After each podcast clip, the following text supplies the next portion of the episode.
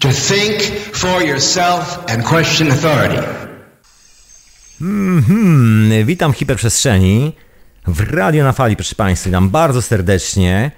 W ten piękny, piękny wieczór. U mnie już powoli wiosna, nie wiem jak u Was, y, tam gdzie mieszkacie. Wiem, że radio jest słuchane w wielu różnych miejscach na świecie, łącznie z takim miejscem prawie jak strefa podbiegunowa gdzieś w Kanadzie. Pozdrawiam słuchaczy z Kanady. Peace and love, kochani. A tu w Londynie, słuchajcie, zrobiło się naprawdę ciepło, zrobiło się naprawdę miło. Ja dzisiaj poczułem, y, no tak konkretnie powiedziałbym, wiosnę. Można by to tak ująć w bardzo wielkim skrócie, ale ja nie o pogodzie. To chyba taki troszkę angielski zwyczaj y, się zrobił w moim życiu, to chyba w życiu każdego człowieka, który mieszka na wyspach. Rozmowa o pogodzie jest po prostu obowiązkowa. To już weszło niejako do kanonu, nazywa się to troszkę small talk, czyli mała rozmowa. I to jest taka sztuka konwersacji lokalna. I ten, kto ma nice small talk, ten w ogóle jest generalnie nice. I w ogóle chodzi o ten small talk, bo to jest taka mała rozmowa, te parę małych, drobnych, krótkich zdań, które nawet jeżeli coś poszła tego dnia nie tak, rozbrajają cały ten klimat, powodują, że łapiemy dystans, patrzymy się na niego, mówimy, faktycznie, no jest fajnie, albo pada, albo świeci. I chyba dlatego, że czujemy się tacy mali troszkę wobec tych kosmicznych procedur, kosmicznych procesów, nagle łapiemy właśnie ów kosmiczny dystans do siebie stwierdzamy, hej man, jest naprawdę miło, cokolwiek by się wydarzyło i jest po prostu miło. Także witam Was w bardzo, bardzo, bardzo miłą sobotę. Peace and love wszyscy mecenasi radia. Wielkie podziękowania za wspieranie radia na fali. Drogi mecenasie albo droga mecenasko, nie wiem jak opadnie w tym miesiącu, najbardziej hojny mecenas dostaje w prezencie książkę drugi tom Jarka Bzomy, Czas snu, prosto od Grzegorza, który prowadzi Czas snu, którego premiera kolejnego odcinka w wieczorowej porze dzisiaj w Radiu na Fali. Także przypominam, żeście sobie zrobili kawkę, jeżeli jesteście śpiący. No i zapraszam oczywiście do wszelkich pozostałych rzeczy w Radiu na Fali, czyli do wielkiego, potężnego archiwum. No i ja oczywiście pozdrawiam wszystkich słuchaczy online, wszystkich was tu teraz i wszystkich słuchaczy offline, gdziekolwiek byś nie był, drogi człowieku, czuj się pozdrowiony. No to co, to właściwie chyba tyle zrobiłem z takich krótkich informacji w ogóle na bieżąco. Właśnie, aha, taka jedna informacja na bieżąco. Przypominam, bo mówiłem to w czwartek, ale nie wszyscy akurat słuchają radia w czwartek, są odcinkami syntezy, gdzie, gdzie się uzewnętrzniam na troszkę bardziej techniczne tematy. Niektórzy mogą się dziwić, dlaczego jeszcze na odcinkach hiperprzestrzeni z zeszłego tygodnia zapadła takowa decyzja.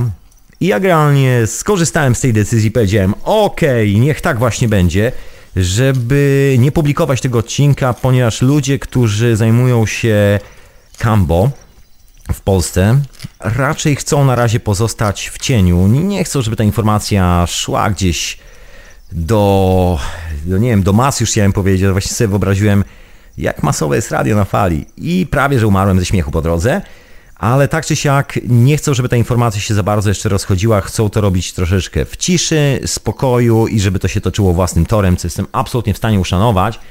Także moi drodzy, na razie nie będzie żadnej historii o zielonej żabie, ale myślę, że każdy z nas już wie wystarczająco dużo, żeby na własną rękę zająć się tematem, jeżeli czuje takową potrzebę. Także tu wszystkich miłośników zielonej żaby Zostawiam Was, moi drodzy, samopas.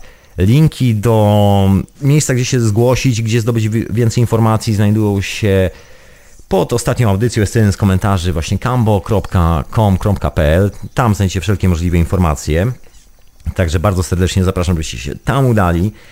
Ja niestety Wam nie mogę podać żadnych informacji, ponieważ zostałem poproszony, żeby nie robić hałasu dookoła tej sprawy, także no robię niemniejszym to, co miałem zrobić, czyli nie robię hałasu!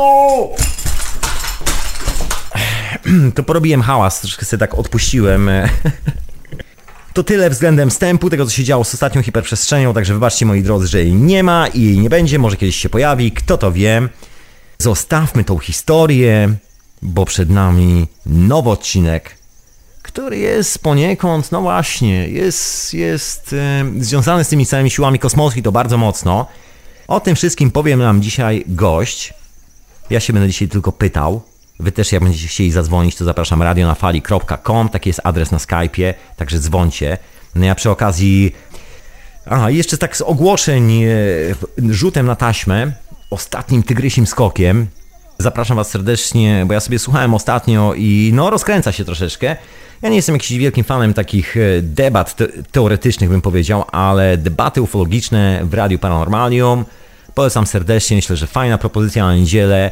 Ja sobie zacząłem słuchać i powiem Wam szczerze, że się chłopaki rozkręcają. Pozdrawiam w ogóle wszystkich uczestniczących w debatach. Zapraszam Was e, po przyjacielsku do przyjacielskiego radia Paranormalium, które nadaje owe debaty ufologiczne. A tymczasem, moi drodzy, zanim, e, zanim jak zwykle zaczniemy tą całą opowieść, to może, to może wspomnę troszkę o gościu, zanim w ogóle włączę muzyczkę, zanim przejdziemy do tych wszystkich rzeczy, ja się połączę z gościem. Gość ma na imię Asia i zajmuje się bardzo kosmicznymi sprawami. Sprawami, które na co dzień są uważane za lekką szarlatanerię przez tak zwanych racjonalistów, ale z tym całym racjonalizmem jest bardzo dużo znaków zapytania, bym powiedział, i to tak co najmniej bardzo dużo znaków zapytania. Jest pewien słynny eksperyment, o którym zamierzam prawdopodobnie za tydzień Wam opowiedzieć, przeprowadzony przez takiego francuskiego naukowca o nazwisku Gokland e, pod koniec lat 70. dokładnie. Właśnie on tak zastanawiał się, czy jak to jest, czy są jakieś cuda na świecie, czy cudów nie ma, jak to jest z tymi mocami kosmosu i tak dalej. Ale ja nie będę dzisiaj Wam opowiadał o eksperymencie Monsieur Goklanda, o nim opowiem w innym odcinku hiperprzestrzeni. Dzisiaj, moi drodzy, to będzie kosmiczny odcinek, także przygotujcie się na bardzo kosmiczne wrażenia. To co?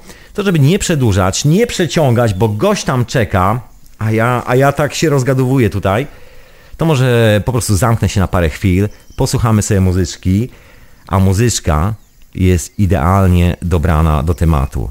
Utwór nazywa się dokładnie tak, jak temat dzisiejszej audycji. Jeżeli ktoś zna portugalski, to od razu skuma o co chodzi. Schaum, szem, szemre. Czy jakoś tak. To co? Zaczynam od muzyczki. A wysłuchacie hiperprzestrzeni w radiu na fali, transmitowanej też w radiu Paranormalium, a ja mam na imię Tomek.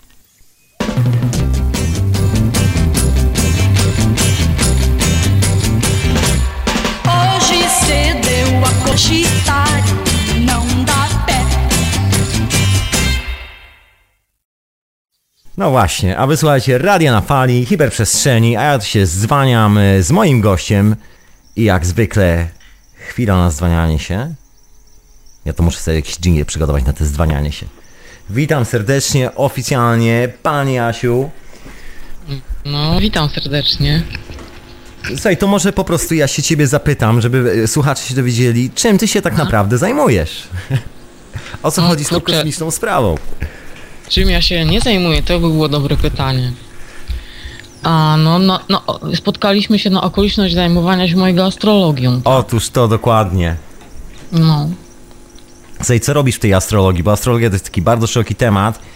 To jest jedna rzecz, a druga rzecz, w dzisiejszych czasach niewielu ludzi jest w stanie do końca tak, wiesz, sobie uszeregować w głowie, czym właściwie jest astrologia, no poza tym, że każdy kojarzy z takim kącikiem astrologicznym y, w gazecie na końcu z cyklu No. Ryby, masz zawał, jutro umierasz. No, no, tak. Mówi się, że astrologia jest królewską wiedzą, tak? Mhm. Czyli czymś, co od jakichś niepamiętnych czasów funkcjonowało, dziwni ludzie się tym zajmowali. I No i generalnie to mm, dla ogółu społeczeństwa jest dziedzina dosyć tajemnicza, albo jarmarczna, właśnie tak jak to, co mówisz z gazetami.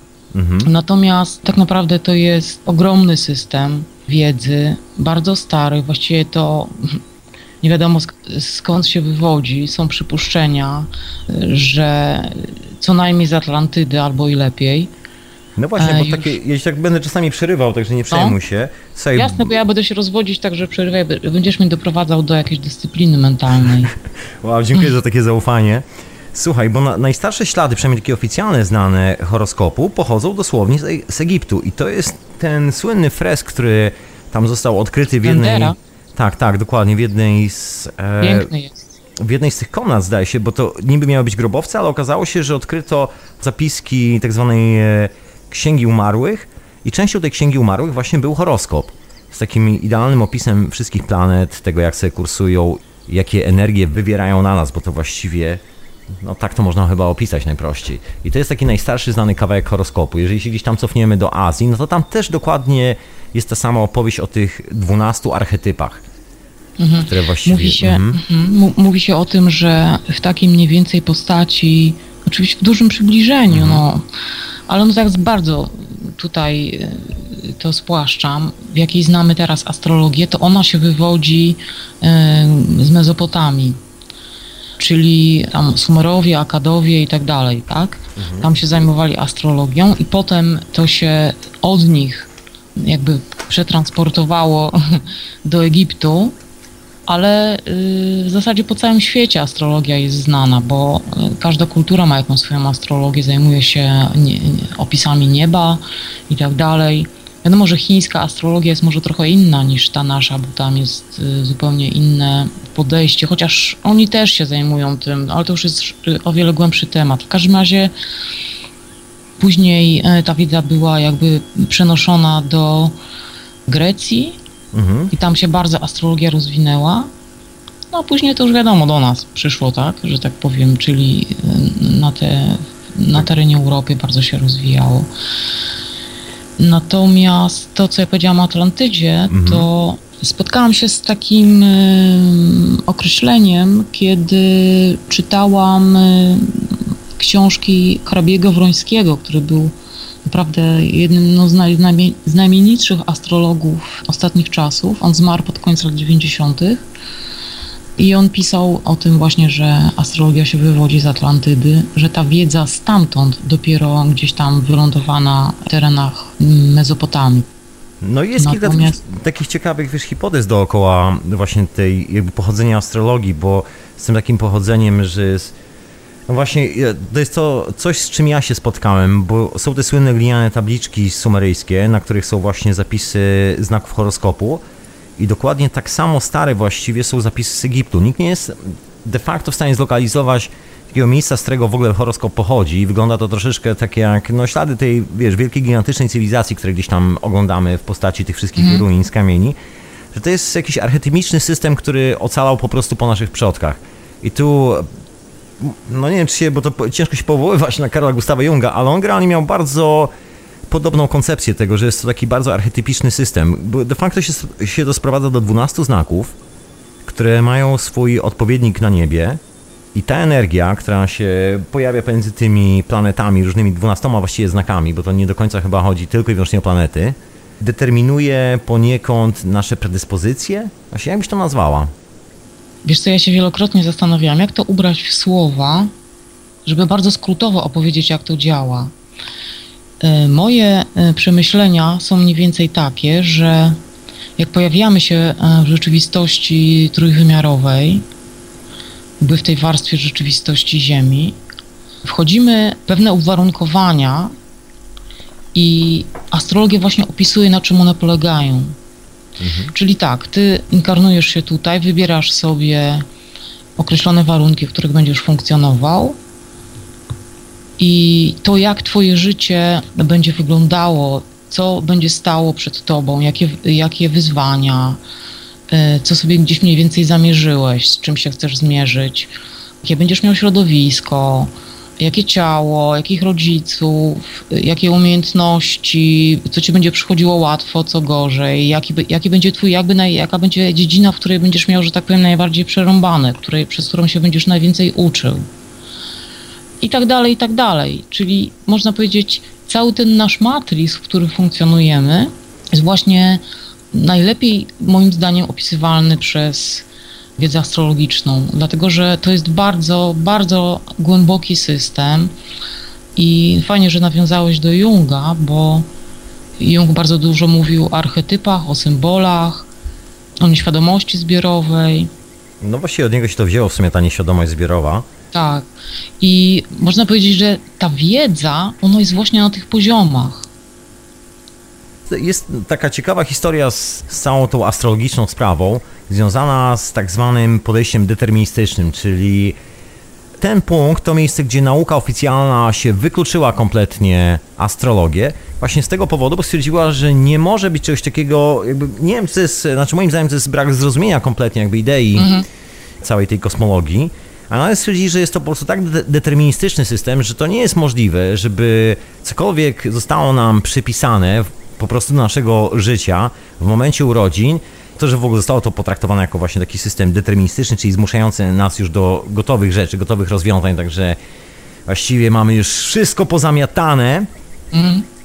właściwie nie ma nic wspólnego z takim e, determinowaniem, z takim, wiesz, kierowaniem naszym życiem. To jest tylko, no właśnie, to jest tylko taki zestaw dodatkowych cech, które mamy, z których możemy skorzystać. Jak to z tym wygląda? Bo niektórzy, tak powiem, składają taką prawie całe swoje życie w ofierze na, wiesz, na ołtarzu horoskopów i różnych takich e, historii traktując to bardzo tak właśnie deterministycznie, że będzie dokładnie tak jak mówią karty, będzie dokładnie tak jak mówią wszystkie rzeczy i tego się spodziewają.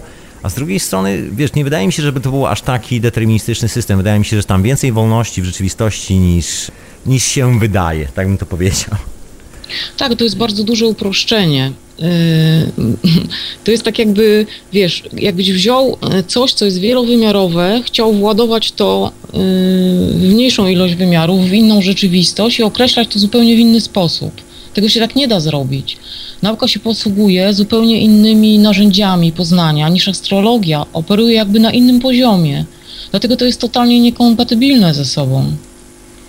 E, jeżeli chodzi o determinizm, to owszem, pewne rzeczy są zdeterminowane, ale wiesz, zdeterminowane jest to, że oddychasz powietrzem i musisz mieć jakiś skład, jest jakiś skład tego powietrza, żeby ci płuca nie, płuc nie rozerwało, prawda? No, musisz mieć określoną ilość tlenu, bo tak funkcjonują twoje komórki, więc jesteśmy tutaj e, jakoś tam zdeterminowani. Natomiast jeżeli chodzi o samo, o sam na przykład horoskop, na ile on cię determinuje, na ile nie. Jeżeli masz na przykład pewne predyspozycje, które wynikają z tego, że księżyc masz w określonym znaku.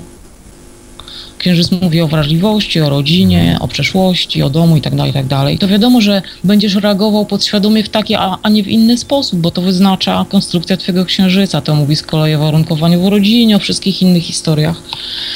Natomiast myślę, że chodzi ci o to, na ile możemy się poruszać swobodnie, a na ile jesteśmy jakby włożeni w pewne ramy, w których chodzimy, tak? tak? dokładnie, Jakieś tam dokładnie. korytarze. Mhm. To jest tak, można powiedzieć e, o przeznaczeniu i o losie. Są pewne rzeczy, które są w naszym przeznaczeniu, które muszą się wydarzyć i to jest właśnie to, co sobie założyliśmy tutaj się wcielając w tą rzeczywistość, że chcemy czegoś doświadczyć i to musi być. I są pewne rzeczy, które są związane z losem, które sami sobie wybieramy. Mamy pewne rzeczy do dyspozycji, jakąś możliwość e, podejmowania decyzji. Gdyby tego nie było, to nie byłby możliwy rozwój. To jest w ogóle jakiś absurd. No dokładnie. Czyli generalnie mamy coś takiego jak przeznaczenie, które jest tym właśnie naszym celem sprzed życia i los. Tak. Czyli nasz po prostu zwyczajny wybór, czyli to, jak zareagujemy na daną sytuację. Sytuacje okay. losowe można tak y, rozegrać, że na przykład y, wiesz, że coś się zbliża do ciebie, tak? Jakaś mhm. tam sytuacja, czy, czy nie wiem, jakiś jest splot okoliczności energetycznych, że coś trudnego cię czeka. Wiedząc o tym wcześniej, możesz tak przekształcić samego siebie, albo tak wybrać pewne okoliczności, że te rzeczy się nie zdarzą, albo zdarzą się w inny sposób. Natomiast jeżeli coś jest totalnie przeznaczeniowe, to to musi być. Po prostu nie ma innej możliwości. No, proszę bardzo. To teraz już chyba wiemy, gdzie jest e, ta cała de e, deterministyczna historia w tym zakopana. Czyli generalnie wcale nie zmusza nas do tego, żebyśmy twardo słowo w słowo się słuchali zawsze wszystkich tych informacji, że to jest właściwie no bardziej na takim poziomie beta, że jest po prostu pokazany świat dookoła i teraz jest pytanie do nas, jak my zareagujemy w tym świecie, bo tak naprawdę od naszej reakcji zależy by dalsza część tej opowieści. To wszystko zależy, też jeszcze tak dopowiem jedną rzecz, mhm. tak mi teraz przyszło to do głowy, wiesz, to w zależności od tego jakby na jakim poziomie jest człowiek, bo dany horoskop y, można na różnych poziomach przeżyć. Nieraz jest tak, że jeżeli ktoś no nie jest zbyt rozgarnięty ogólnie, ma taki horoskop, pewne, no nie wiem, zdolności intelektualne nie za duże, no słabo się orientuje w rzeczywistości swojej, potrzebuje mocniejszych rzeczy. Zostaje politykiem. Tak, i jakieś tam no, hardkorowe sytuacje mu się przydarzają, żeby mógł w ogóle coś zrozumieć. Musi, wiesz, walnąć głową w mur, tak? I często takim ludziom, którzy no, nie są na zbyt wysokim stopniu rozwoju takiego, no powiedzmy, no, powiedzmy że no, wiesz o czym, o czym mówię, mhm. nie muszę tutaj chyba zbytnio tego uszczegółowiać. W każdym razie potrzebne są bardzo mocne wydarzenia, żeby odcisnęły się w nich jakieś ślady, żeby zrozumienie nastąpiło. Natomiast jeżeli ktoś na przykład pracuje nad sobą, też na takich wewnętrznych planach, to pewne rzeczy, pewne energie, które się na przykład w Twoim życiu pojawiają, wcale nie muszą się manifestować jako wydarzenia. Może wystarczyć e, często, że masz jakieś sny, że kogoś spotkasz i dana energia jakby wyładuje się w inny sposób. O, to brzmi, no tak dosyć intrygująco, bo w sumie tak to często wygląda w życiu, że mamy sen i jakaś tam sytuacja w śnie się rozładowuje, a w życiu już po prostu nie ma tego ciśnienia, tak jak mówisz. Dokładnie, no często mi się to Albo- zdarzało, także nie jest to... Albo w ogóle na wewnętrznych poziomach to przerabiasz. Okej, mamy pierwszy horoskop, który jest w momencie naszych urodzin, czyli kiedy się pojawiamy na tej planecie, mamy już pewien zestaw cech, który nam kosmos e, zrzuca na głowę, można tak w skrócie powiedzieć. No i jeżeli, tak jak mówisz, się nie rozwijamy albo się rozwijamy, w zależności od tego, w którym miejscu w życiu jesteśmy, no to wychodzi, wygląda na to, że mamy kolejny, drugi horoskop właściwie. A nie, to jest tak, że masz horoskop natalny, czyli urodzeniowy, zwany też radiksem, a radiks, jak Okej. wiadomo, to korzeń, tak. I to jest ten horoskop wyjściowy, twój, no, no, taki, który no, warunkuje cię do końca życia, ale to jest jakby początek, czyli start. Wziąłeś pierwszy oddech, urodziłeś się, wziąłeś pierwszy oddech i to jest właśnie jakby ta pieczęć, która, która się odciska i można powiedzieć labirynt, w którym potem się poruszasz. Ale ten horoskop konstrukcją dynamiczną, tam planety tak wyglądały jak ten odcisk powiedzmy, ale one cały czas się ruszają i następuje tym twoim horoskopie przyrost doświadczeń. Okej, czyli jakby Czyli- troszkę jakby się przesuwają te wszystkie obiekty na niebie i w tym momencie odczytywanie tego wszystkiego jakby pokazuje troszeczkę inny zestaw mocy, energii dookoła. Tam się dzieją różne rzeczy i to, i to pokazuje, co, co się dalej dzieje z danym człowiekiem. I to, jak planety wyglądają na niebie, kiedy się urodziłeś, one się potem e, przesuwają, czyli są tak zwane tranzyty, czyli przejścia planet. I to cały czas zasuwa, nie? I tam są różne cykle, e, doświadczenia przybywają i tak dalej. Można omawiać cykle e, poszczególnych planet i mówić, e, jak to wygląda i co to znaczy. Ale jest też coś takiego jak progresja, czyli przyrost doświadczeń, inaczej zupełnie na to się patrzy. W samym horoskopie, jakby jego dojrzałość. I to nie jest związane z tym, jak planety teraz się mają na niebie w stosunku do Twojego horoskopu, Mhm. tylko ten sam horoskop jakby dojrzewa. I o tym mówi progresja, czyli ten przyrost doświadczeń. Jak to, To można, bardzo- jak to można w praktyce ubrać? Czyli na przykład dzisiaj jesteśmy tu i teraz i mamy ten przyrost, tej, mamy tą progresję. Co to jak praktycznie To, może... tak to są takie ruchy jakby symboliczne. Na przykład mówi się, że e, w progresji Słońce porusza się e, jeden stopień na rok. Czyli jakbyś popatrzył na twój horoskop w momencie urodzenia, to następny dzień to jest tak jakby rok mijał. Okej, mhm. I tak dalej. I na przykład powiedzmy urodziłeś się i miałeś e, załóżmy słońce w byku, w 15 stopniu byka i w 30 roku życia już masz słońce w 15 stopniu bliźniąt. Więc przez pierwsze 15 lat można powiedzieć, że byłeś urodzeniowym bykiem słonecznym, Okej. ale potem jak minęły y, te lata, to potem po, po 15 latach słońce weszło progresywny znak bliźniąt, czyli zupełnie nowa energia się pojawiła. Twoje ja jakby nabrało dodatkowo nowych cech. I przez następne 30 lat jesteś jakby progresywnym bliźniakiem. Oczywiście pozostałe planety też się przesuwają w innym już tutaj jakby czasowym zakresie się to odbywa, ale w ten sposób można ten przyrost doświadczeń obserwować. I też jest bardzo to interesujące, jak oglądasz progresję danej osoby, to mówi się o tym, że w tranzytach, jeżeli patrzysz na tranzyty, to są bardziej wydarzeń, wydarzenia w świecie zewnętrznym, a progresja w wewnętrznym, ale tak nie do końca zawsze musi być. Można też e, porównywać, odnosić do siebie progresję do tranzytów też często. I też ciekawe rzeczy wychodzą. Oprócz tego mamy też horoskopy solarne, czyli co roku, kiedy Słońce wchodzi dokładnie ten stopień, kiedy miałeś urodziny, czyli Twoje urodzeniowe Słońce, masz jakby dodatkowy roczny horoskop, zwany solariuszem.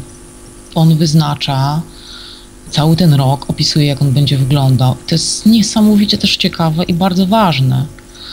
Dodatkowo są takie horoskopy miesięczne, zwane lunariuszami, które są uwarunkowane powrotem księżyca na miejsce urodzenia. I teraz możesz patrzeć, co się dzieje w tranzycie, możesz patrzeć, co się dzieje w progresji, możesz patrzeć, co się dzieje w solariuszu i lunariuszu i jeszcze to łączysz ze sobą i to tworzy niesamowitą pl- plątaninę danych. Co, jak to wygląda z tymi 12 znakami teraz? Bo tak, się okazuje, że mamy właściwie kilka opcji na zrobienie sobie horoskopu. Mamy ten, tak jak mówisz, ten pierwszy natalny, w którym się po prostu rodzimy, który jest na nasze całe życie. Zawsze to wszystko odnosimy, przepraszam, że ci przerywam, wszystko to się dzieje w tych dodatkowych jakby opcjach zawsze się odnosi do horoskopu urodzeniowego, on jest zawsze najważniejszy.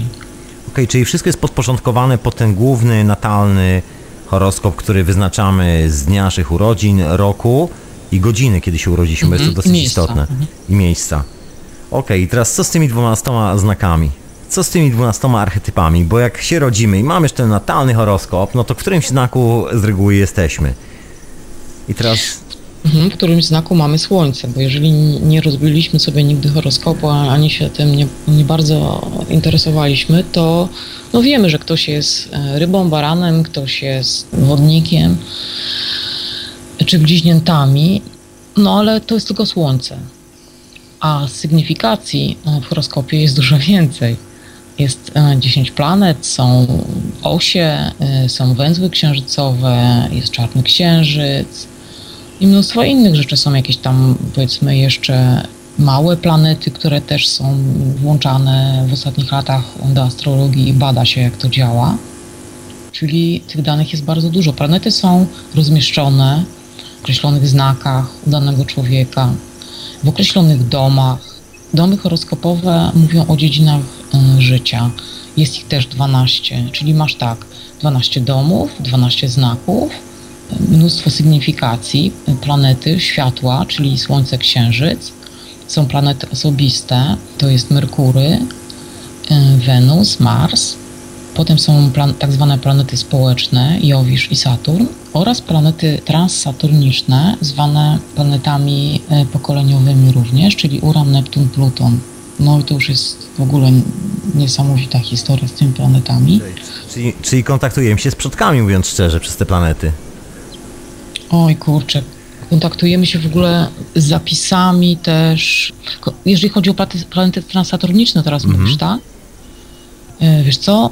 Planety transsaturniczne to są planety, które mówią już o energiach, które są poza strukturą, czyli poza Matrixem. To są planety zmian. To są energie, które można tak powiedzieć obrazowo do, docierają do nas z galaktyki albo jeszcze gdzieś tam z jakichś dalszych obszarów. Oczywiście symbolicznie, bo to wcale nie chodzi tak naprawdę o planetę, tylko chodzi o pe- planety sygnifikują pewne, pewne energie. No Tak? wiesz, ja, ja to jestem troszkę taki radykalny heretyk i ja twierdzę, że chodzi o energię z tych planet, tylko chodzi o pewien specyficzny Też, rodzaj tych tak, energii, który ale- jest po prostu niezmierzalny urządzeniami pomiarowymi, które mamy, ale jakby anomalie, które występują z tej okazji, są bardzo łatwe do zaobserwowania w bardzo wielu takich bardzo poważnych naukowych eksperymentach, tylko że tam oczywiście nikt nie powie, że okej, słuchaj, e, to się wygięło w lewo, bo po prostu Saturn e, przeszedł e, koniunkcję z, z Jowiszem. No, rozumiesz, nikt nie powie takich rzeczy, bo przecież od razu straci dyplom.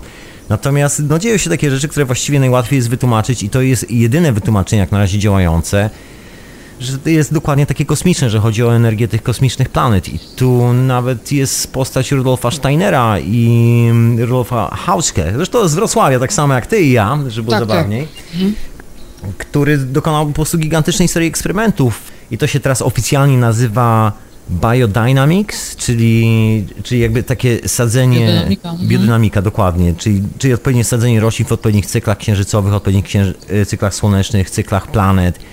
I się okazuje, że nie wcale pestycydy, nie podlewanie nie jakimiś chemicznymi roztworami, nic z tych rzeczy, że trzeba po prostu roślinę posadzić we właściwym momencie, w którym ona jest dedykowana i jak się okazuje wtedy rośnie idealnie, nie ma żadnych problemów, czyli No wiesz, jakby z tą dy- dyskusyjnością tego, czy ta energia z kosmosu jest, czy nie, szczęśliwie chyba jesteśmy w takim gronie, w którym... Znaczy jest ta energia, wiesz, ja, ja, ja, ja może tak Mhm. y, nie, nieprecyzyjnie się dosyć wypowiedziałam, ponieważ y, o, owszem, to, to są planety, bo jesteśmy tutaj w, y, w 3D w Matrixie, tak? Mhm. Jakieś. Tak jest to wszystko skonstruowane, że ta energia idzie przez planety. Natomiast jakby na innym jeszcze poziomie można to jeszcze inaczej rozumieć. Te dwa zrozumienia będą kompatybilne ze sobą, ale już nie będę wprowadzała nowych wątków. Natomiast jeżeli chodzi o biodynamikę, to jest w ogóle też e, bardzo fajna sprawa, bo jak się zacznie to obserwować i człowiek w ogóle wchodzi w tą wiedzę, to się okazuje, że to jest nie, jakiś nie, nie, niesamowity odjazd. Takie rządzą tym wszystkim energie, jakieś takie wpływy, na które w ogóle nie jesteśmy otwarci, a nasi przodkowie mieli to we krwi. Wcale nie musieli mieć takiej wiedzy, że mieli to gdzieś spisane. Oni po prostu wiedzieli, byli podłączeni do tego. Tak jak, nie wiem, no aborygeni są, byli, znaczy może nie wiem jak jest teraz, ale też przecież... Ja myślę, że wszyscy jesteśmy do tego podłączeni, tylko nie zdajemy sobie z tego sprawy. Za, zakłócamy nasz y, odbiór, te, zakłócamy ten sygnał telewizyjny.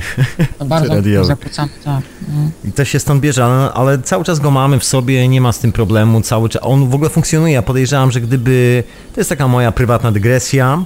Gdyby nie to, że on w nas jest, to już by dawno nas nie było na tej planecie, bo właśnie z tego powodu, że nawet pomimo tych wszystkich zakłóceń, on gdzieś się budzi albo w środku nocy w śnie, albo gdzieś w postaci instynktu i tylko dzięki temu jeszcze żyjemy w tym całym szaleństwie, tak mi się coś wydaje często.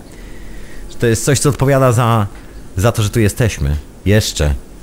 Ale to wiesz co, nawet jak się popatrzy, teraz mi tak przyszło do głowy, e, nawet jak się popatrzy na zegar narządu z medycyny chińskiej, nie? Mhm. Jest tak, że, no nie wiem, czy się jakoś tam kiedyś tym trochę zajmowałeś, ale wiesz o co chodzi. No tak, bardzo po łebkach. To jest tak, że w ciągu całej doby co dwie godziny jest aktywność określonego narządu i wtedy dany narząd jest, ma maksimum energii, a jakiś inny ma minimum. I to po prostu jest pewien schemat. I tak jest. I nawet to można sprawdzić bardzo fajnie, jak się człowiek budzi w nocy w określonych godzinach. To jak się popatrzy, jak, minimum jakiego narządu wtedy jest, to wiadomo, jaki narząd jest osłabiony. Na przykład budzą się ludzie między godziną pierwszą a trzecią w nocy, to jak amen w pacierzu mają wtedy, coś się dzieje nie, nie tak z wątrobą, bo wątroba wtedy ma maksimum energetyczne.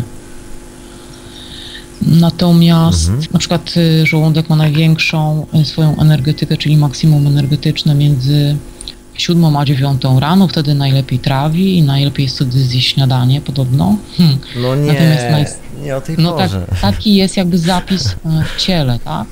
Natomiast y, między godziną, ale też jak się y, rano budzisz, to, Mhm. to najczęściej wtedy jesteś głodny. Wiesz co, ja, ja, ja mam tak dziwnie. Nie jestem w stanie rano nic czasami przepnąć, po prostu nie chcę, mi się nie mam siły. Ale to, ja nie wiem, czy to jest związane akurat z naturalnym cyklem planety, czy może właśnie brakiem owego dostrojenia do naturalnego cyklu planety, po prostu z mieszkaniem w dużym mieście. A tak, tak, tak. Rozumiesz, także bardziej to bym podejrzewał niż to, że, że nagle się wyłamuje od mamy natury i ja rano jeść nie będę, bo nie.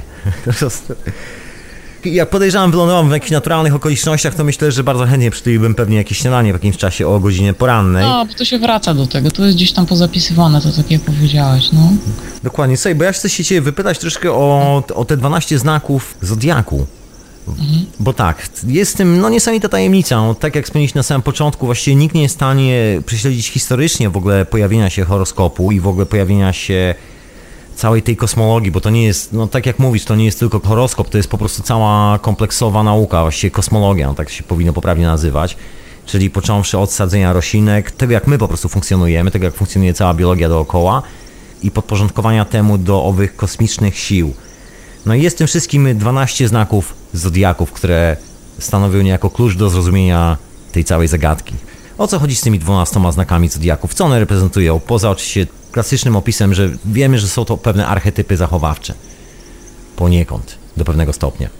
To jest, można powiedzieć, 12 poziomów doświadczeń, przez jakie przechodzi dana forma, mówiąc bardzo ogólnie, czy albo człowiek, albo jakiś inny obiekt, że tak powiem. Słuchaj, czy, czy, czy to nie jest no. tak jak w tarocie? Bo w tarocie cała ta talia kart właściwie jest taką opowieścią praktycznie Tak, cokolwiek... to jest tak, bo tam jest droga tam od, od maga, prawda? tak, który tak, dokładnie. zaczyna się tam i kończy się no, na, na świecie albo na głupcu, tak? Przypomina to opis reinkarnacji. Troszeczkę. Można powiedzieć, fajnie to tak ujął kiedyś Leszek Weres, że Zodiak y, jest taką opowieścią, drogą człowieka od y, wojownika do mistyka, czyli od barana do ryb. Tutaj jest pokazany pewien proces ewolucji, czyli najpierw jak zaczynamy od barana i każdy, każdą rzecz, która dzieje się, można w ten sposób opisać. I to jest fenomenalne, jak się obserwuje różne historie w ten sposób. Y, Tak nadmienię, jak nawet jak zaczynasz daną rzecz, to, to na przykład zawsze wszystko się zaczyna od barana, zero barana, czyli jest ten impuls e, do stworzenia i do bycia. Potem to przechodzi przez przez fazę byka, czyli takie ustabilizowanie, potem przez, bliźnią, przez bliźnięta komunikację i tak dalej, i tak dalej, i tak. Nawet jak zdarzyło mi się kiedyś być w szkole mm, astrologicznej właśnie u Leszka Weresa, tam poszczególne dni obserwowaliśmy pod kątem tego, jaka faza zodiaku teraz mm, ma miejsce i jak ona się przejawia. Czyli jest to pewien uniwersalny język symboliczny. Taki pattern, pattern kosmosu. To jest nie, niesamowita sprawa, jak się to obserwuje. Bardzo rozszerza świadomość, jak się zaczyna w ten sposób oglądać. Okej, okay, bo, bo wtedy widzimy już właściwie nie tylko si nie siebie jako istotę, która jest nękana lokalnym y, problemem z wczoraj, mhm. czy jakimś lokalnym dramatem, który sobie wymyśla i się obstawia w roli e, bohatera głównego tego dramatu, tylko no, widzimy siebie troszkę chyba w, jako część kosmicznych energii. Oczywiście i widzisz, że wszystko jest jeszcze połączone różnymi cyklami. Macie taki fajny obrazek, nie wiem czy jeszcze go macie, mieliście na, na swojej stronie głównej takiego maga, który odsłania zasłonę. Y, to jest okładka do hiperprzestrzeni, dokładnie. Tak, wiem o który no sztyk tak. ci chodzi. Sztyk, którego autorstwa nie wiadomo, nie znano. Uwielbiam, uwielbiam to, to przedstawienie i ono właśnie pięknie pokazuje, pokazuje to, jak on odsłania zasłonę, na której są gwiazdy, a dokładnie, z tyłu... są sfery niebieskie dokładnie. Tak, a z tyłu tam zasuwają takie jakieś maszyny, koła zębate i tak dalej. E, to jest piękny, piękny symbol właśnie astrologii. Co ja ci powiem, że... że jest to obrazek, coś jak przerywam, tak, tak taką dykteryjkę na tego a? obrazku, bo jest to obrazek, którego w ogóle autorstwa nikt się nie przyznał. Nie ma czegoś tak, takiego jak tak. autor w ogóle tego sztychu. Ja on, kiedyś szukałam też właśnie, no. On się pojawił w pewnej pracy alchemicznej, właściwie takiej e, właśnie pracy bardziej, bardzo blisko jakby twoich spraw, bo to nie do końca taka praca czysto alchemiczna, to była praca właśnie związana no poniekąd jeszcze z właśnie z horoskopem. I to był taki mhm. sztych, który gdzieś ktoś wyciągnął w 1700 którymś roku i zrobił reprodukcję u siebie. Ten oryginalny sztych ponoć pochodzi z jakichś prac hermetycznych wydanych w średniowiecznej Europie na terenie Francji, gdzieś w XV-XVI wieku. Podejrzewam, że to bliżej XVI wieku. I on został później jeszcze raz mhm. przerysowany i reprodukowany. I to jest taka ciekawa historia, właściwie nikt nie zna autora tej całej historii. Wiadomo tylko, jakie miasto jest w tle.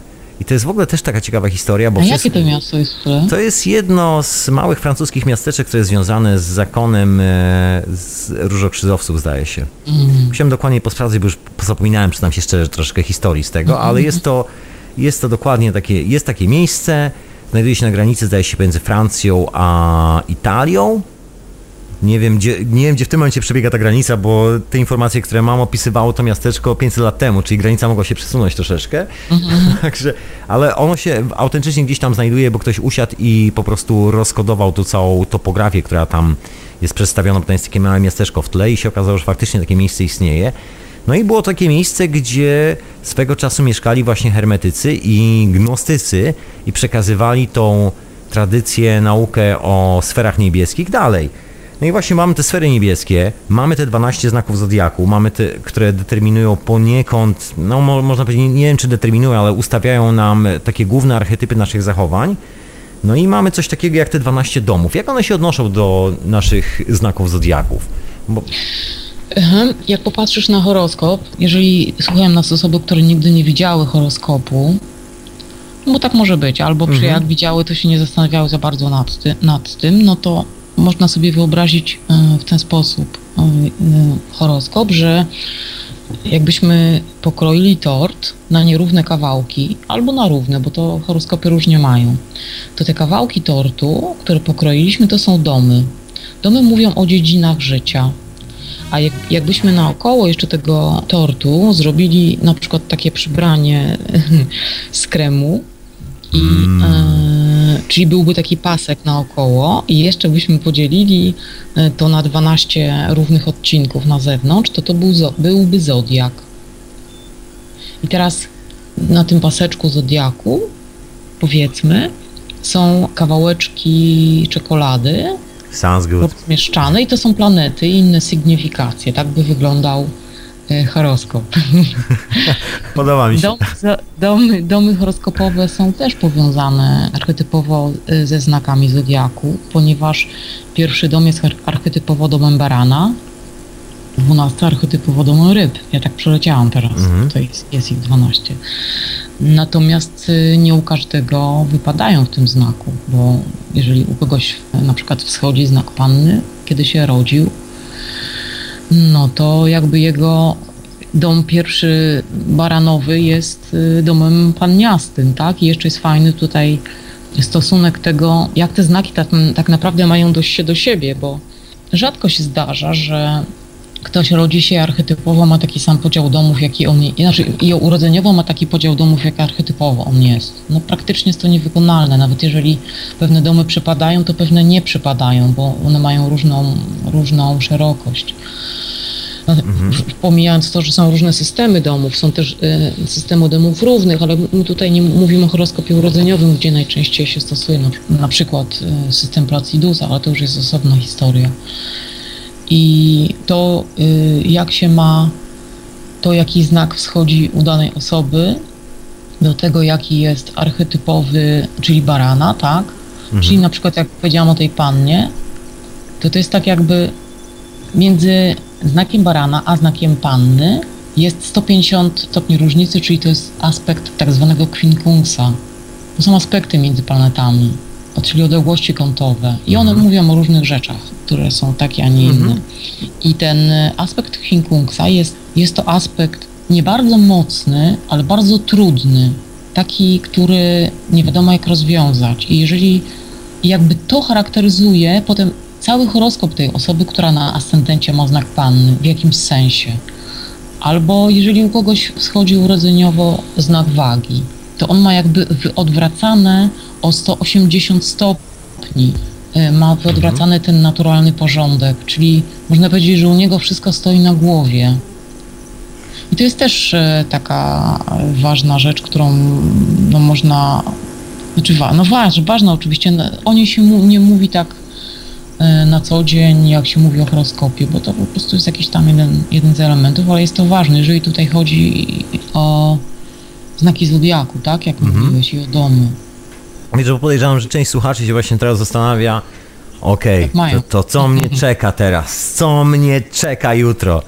Rozumiesz, bo myślę sobie, jestem z tego znaku horoskopu, to teraz jakiś dom do tego i pewnie kombinacja tego wszystkiego da mi odpowiedź na magiczne pytanie.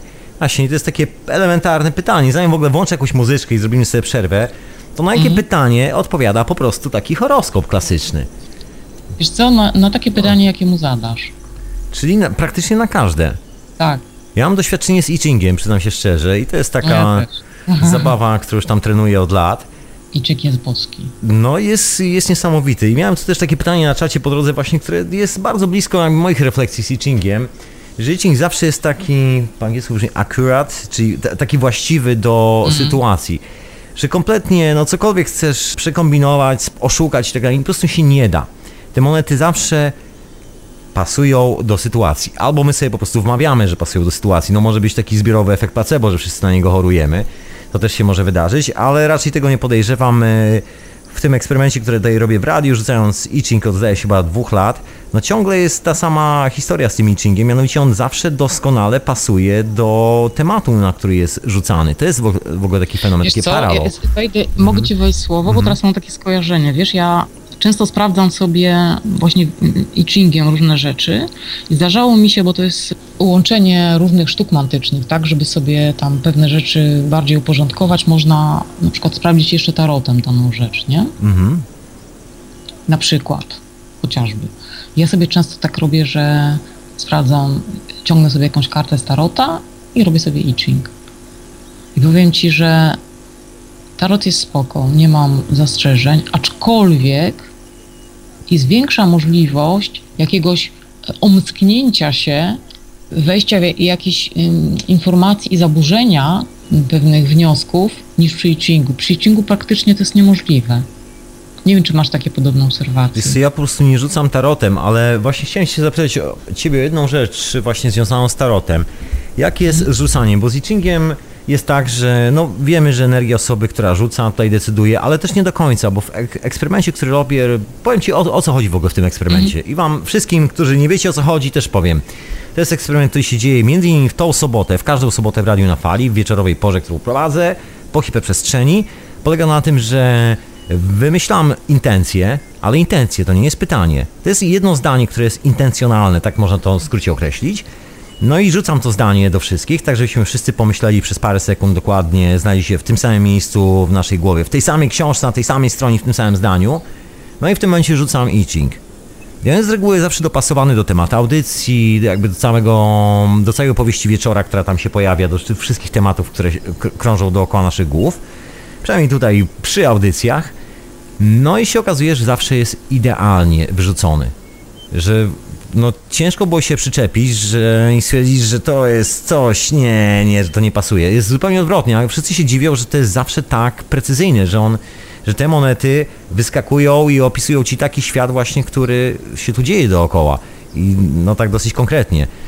Także I Ching jest pod tym względem po prostu rewelacyjny i ten eksperyment tylko i wyłącznie potwierdza. I pytanie na temat tarota, bo ja po prostu na tarocie się absolutnie nie znam. No, wiem może kilka rzeczy, ale jakby ciężko powiedzieć, żebym w ogóle nazwać to znawstwem jak, jakimkolwiek. Jak jest intencją rzucania, znaczy kładzenia tarota, bo z tego co się orientuję, bardzo ważna jest ta osoba, której ma się wyrzucić tego tarota, ona musi przełożyć karty, dotknąć tych kart, to jest w ogóle taka najlepsza opcja. W I Chingu nie do końca. I Ching jest troszkę taki idiotoodporny, bym powiedział. System genialny, po prostu, który działa w każdej sytuacji, nie trzeba robić jakichś niesamowitych podejść do niego, a już Tak, to jest algorytm niesamowity. Mhm. Natomiast w, w kartach Tarota jest coś, coś takiego, że jakby już musisz, że już masz jakieś warunki, które musisz spełnić, żeby właściwie to zapracowało solidnie. Dosłownie, znam takiego koleżkę, który jest alkoholikiem i rzuca karty Tarota i zawsze się tak zastanawiam, ile tak naprawdę on wyrzuca siebie z tych kart, a ile dotyczą one tych wszystkich zewnętrznych rzeczy. Bo ja ogóle mam takie podejrzenie, że karty Tarota są bardzo mocno związane z osobą, która rzuca. I czym już nie do końca. Jak wyglądają te relacje według Ciebie? Wiesz co, ja bym na to popatrzyła w ten sposób, że dany system pracuje na określonych energiach. I na przykład astrologia związana jest z Uranem i przez to jest taka niezależna, e, ale też bardzo matematyczna. To jest bardzo dużo obliczeń, konkretów. Planety zasuwają w określonych orbitach, one są w określonych stopniach. Tam jest po prostu tak niesamowita ilość informacji. Natomiast tarot jest bardzo neptunowy, czyli e, można powiedzieć, że elementy zwodnicze mogą się tutaj łatwo e, dostać do takiej interpretacji i żeby tarotem się posługiwać, trzeba mieć właśnie podłączenie do energii Neptuna bardzo mocne, bo to są obrazy, które się pojawiają i trzeba je jakoś tam interpretować. Ja miałam taką, czy mam taką przyjaciółkę, która y, mnie jakby uczyła kiedyś tam kiedyś e, tarota. Ona była na kursie u gościa, e, który nazywa się Flavio Anusz, o ile dobrze pamiętam.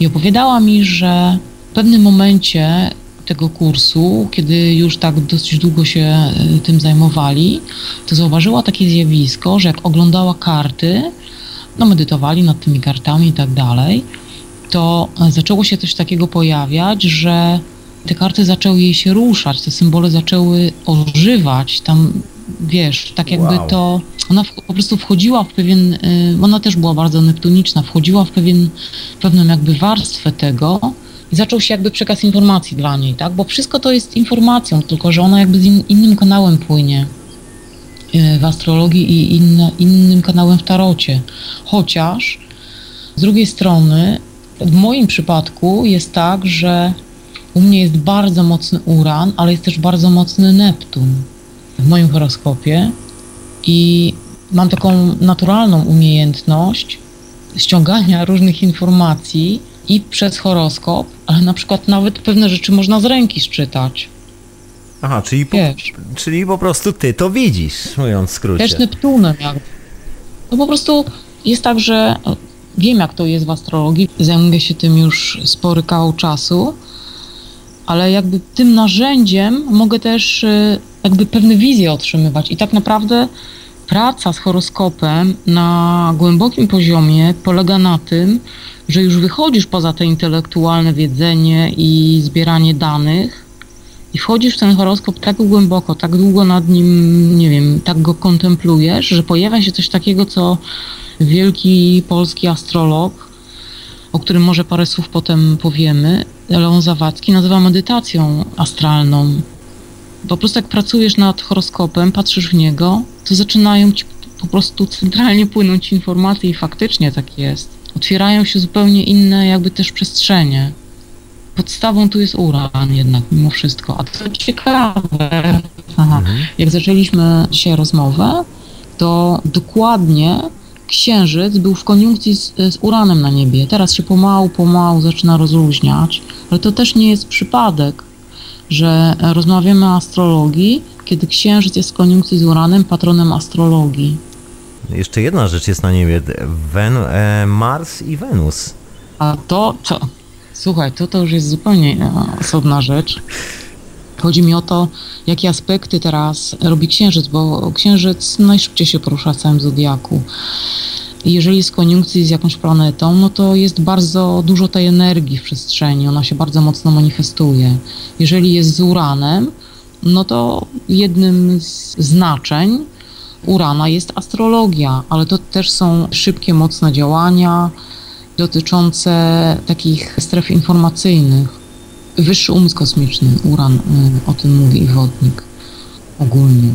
Ja to się przyznam, że to ty dobrałaś ten termin, bo ja nie jestem aż takim astrologiem jak ty. to nie jest tak, że ja go dobrałam. Ja, Żartuję sobie. Jak rozmawialiśmy, to na początku tam z jakichś powodów coś nie pasowało i potem ty jakoś chyba powiedziałeś, czy może być Tak, wtedy. Ja tak. że spoko, ale wiesz, to, to się samo jakby stało, tak? To prawda, samo to stało, Nie ma prawda. przypadków, więc miało tak być. To prawda, no to zaskoczyłaś mnie, że dzisiaj jest taki idealny moment y, horoskopowy. To w ogóle audycja ma takie szczęście takich momentów na niebie. Sobie czasami Ale później to sprawdzam. Powiem ci, że to też się tak składa ciekawie, e, że teraz jest bardzo no, mocny taki transformacyjny okres od paru lat związany z bardzo silnym układem planet, który jest na niebie od 2012 roku. Jest kwadratura Urana z Plutonem. To jest y, coś, co totalnie rozwala tą rzeczywistość, w której żyjemy i robi no, no maksymalną zmianę. Ten układ się utrzymuje. Powiem ci, że no zaczął się od początku, powiedzmy tam z grubsza rzecz biorąc 2012. To są bardzo wolne planety, one się bardzo powoli poruszają. Ten aspekt utrzymuje się, teraz jest chyba, będzie w marcu ostatnie przejście tych planet, czyli siedem razy, a przeważnie to tak do trzech się dzieją, dzieją takie, wydziewają takie aspekty, więc to jest bardzo dużo. I kiedy księżyc, e, wędrując po zodiaku, a księżyc w ciągu tam 28 dni, mówiąc w skrócie, obiega zodiak, do, do 29 to tam zależy, przez 2,5 dnia jest w danym znaku i cztery razy na miesiąc, czyli co tydzień, on jest w orbie tego trudnego aspektu. Czyli co tydzień jest mocna energia. Y, Teraz jak księżyc y, jest na Uranie, to za moment robi od razu kwadraturę z Plutonem. To jest też bardzo mocny aspekt, bardzo drenujący, taki bardzo głęboki. I jak patrzyłam, jak ty masz audycję, e, to przez ileś tam, ileś audycji pod rząd zawsze trafia, że, no, że masz gdzieś podłączenie do tego, do tego aspektu, co mnie nie dziwi, bo jak rozmawialiśmy wcześniej o twoim horoskopie, to, Dokładnie. to wiesz o co chodzi. Nie? Dokładnie. Słuchajcie, bo my sobie rozmawialiśmy chwilę przed wejściem na antenę, dostałem się temat mojego horoskopu, bo wreszcie znam swój horoskop. Po raz pierwszy w życiu. No przynajmniej usłyszałeś parę słów. Dokładnie, no może nie znam jeszcze całego, ale jestem już na dobrej drodze, także wow, po tylu latach się dowiedzieć, to ciekawe. I faktycznie, no, tak jak mówisz, się granie z, dosyć mocno to wszystko skleja, bo gdzieś tam sobie czasami sprawdzam właśnie położenia planet na niebie. No, co się dzieje po prostu, ale to od strony bardziej takiej alchemicznej bym powiedział, bo tam też jest kilka spraw związanych bardzo mocno właśnie z astrologią, tylko że to troszeczkę w innym kontekście, to jest bardziej jakby taniec tych e, planet na niebie i chociaż ja wiem, czy w innym kontekście Wiesz to... co, to jest tak naprawdę to... Wszystko i to tak samo. pogadali, nie? No to wiesz... Wszystko i to samo, ale Wszystko się trzyma razem. A jak y, możemy później powiedzieć w, w następnym wejściu o tym, co teraz się dzieje na niebie, bo mm, Bardzo o, bym jeżeli chciał. chodzi o, o, o Marsa i o Wenus, tak? dokładnie. Na przykład. O czym wspomniałeś wcześniej. Dokładnie. Słuchaj, to Dobra. co? To robimy jakąś przerwę na muzyczkę, ja mam jakąś radosną muzyczkę i zwaniamy się po muzyce z powrotem. Otóż to. Okej, jestem już rozłączony, a gościem y, dzisiejszej hiperprzestrzeni jest Asia, która zajmuje się naprawdę dosyć solidnie sprawami związanymi z czymś, co się dawniej nazywało, no właśnie, alchemią, no nie, nie do końca właściwie wróżeniem, to też to nie do końca. Astrologia, to jest ta właściwa nazwa. Później ta nazwa zniknęła, bo się pojawiła nauka oficjalna, która stwierdzi, że astrologia nie ma żadnych podstaw logicznego uzasadnienia do istnienia na tej planecie, bo nauka wszystko już wyjaśniła i że te malutkie kropki na niebie nie mają żadnego wpływu na nasze życie i że w ogóle to nie chodzi o te kropki, że my nawet nie wiemy o co chodzi z tymi kropkami na niebie, poza tym, że to są planety i że jest ich więcej niż tylko tyle, ile w horoskopie i że dlatego horoskop się nie liczy i cała ta alchemia, cała ta oryginalna astronomia w ogóle nie ma tutaj nic do gadania. Tak sobie wymyślili naukowcy, a jakie jest rzeczywistości? No właśnie, a jakie jest rzeczywistości dowiadujemy się dzisiaj prosto od fachowca w tej dziedzinie. A tymczasem, moi drodzy, troszeczkę muzyczki. A wysłuchacie już się radia na fali, hiperprzestrzeni, która jest też retransmitowana w radiu Paranormalium. Jeżeli macie jakieś pytanie, no ale może nie o własny horoskop, moi drodzy, bo jak się okazuje, zrobienie horoskopu porządnie od początku do końca troszeczkę zajmuje, także może z takimi pytaniami niespecjalnie, ale jak macie jakieś inne, to zapraszam dzisiaj do dzwonienia radionafali.com na Skype'ie. Wszystko się dzieje absolutnie live. Tymczasem muzyczka i no skoczno i do tańca.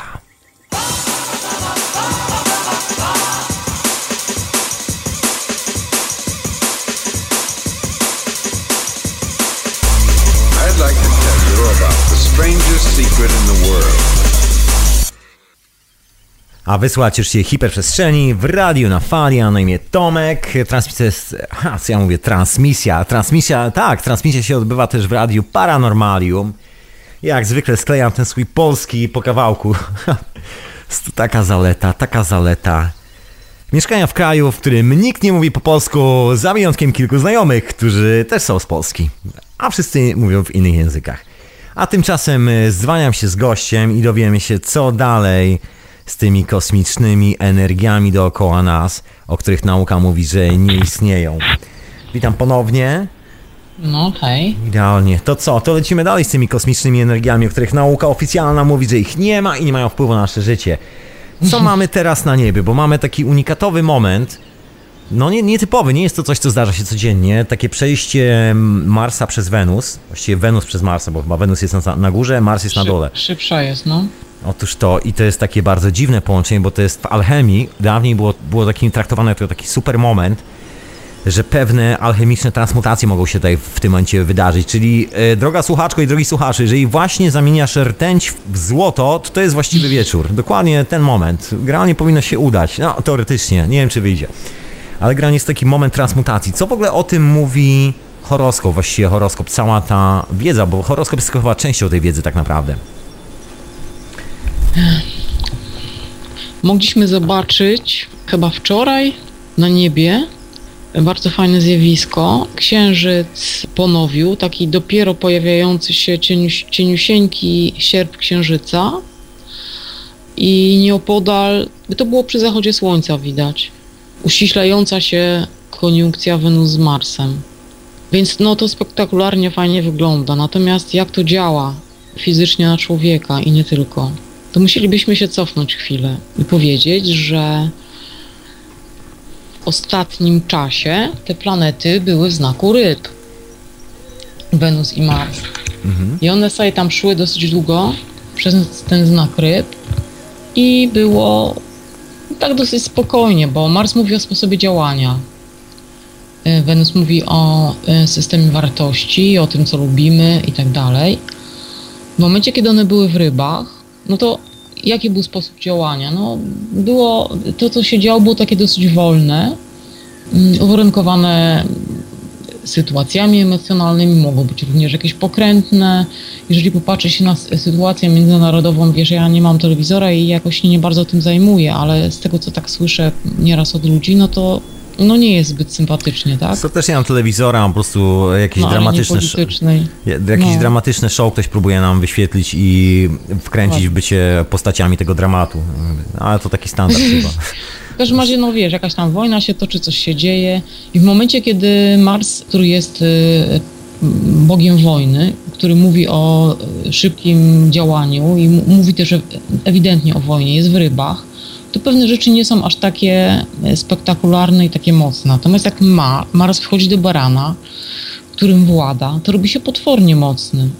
Zaczyna być e, w przestrzeni bardzo dużo ognia, bo no Mars jest ognisty, baran jest ognisty, tak? Wygląda. I do tego dochodzi Wenus też, która też y, w baranie, z kolei Wenus jest w upadku, bo Wenus jest władczynią wagi i również byka, ale w tym, jeżeli mówimy o tym, że jest w upadku jako władczyni, władczyni wagi, y, no to też y, Wenus mówi, sygnifikuje też kobiety. No i kobiety jakby zyskują taką energię bardziej marsową, czyli są takie amazonki, tak? Koniunkcja mówi o połączeniu dwóch energii. Koniunkcja, e, czyli od koniunktio, małżeństwo, czyli połączenie dwóch w jedno, tak jakbyś miał dwa strumienie, które łączą się w jedną rzekę. I te e, energie tych dwóch planet e, właśnie tak się łączą. Ich działanie jest no, takie trudno rozróżnialne w tym momencie. Tworzą coś większego. Natomiast ja mogę powiedzieć o, o, y, o swoim y, odbiorze tego, jak jeszcze wczoraj dołączył księżyc do barana. Nie wiem, czy cię to interesuje. Jasne, jasne, absolutnie, absolutnie, bo to- słuchaj, ja tu sobie właśnie tak zamilkłem, bo sobie otwieram mapę nieba pod e, ręką. Prawda z tego, że sobie właśnie śledzę teraz, y, w którym miejscu znajdują się planety. Bo tak, y, zacznijmy od Słońca. Słońce jest teraz od y, niedawna. Nów, który był 18 lutego, w ostatniej wręcz minucie wodnika. I zaraz po prostu uściślił się. To był ostatni stopień i ostatnia minuta wodnika, czyli Księżyc ze Słońcem były w koniunkcji. I w momencie, kiedy nów się uściślił, Księżyc od razu po no, no, momencik i wszedł do ryb. A potem niedługo weszło Słońce. Czyli e, mieliśmy energię ryb. Słońce, no oczywiście Księżyc teraz poszedł dalej, prawda, bo jest, e, jest w baranie, ale Słońce weszło do ryb. No energia ryb jest mocna w związku z tym.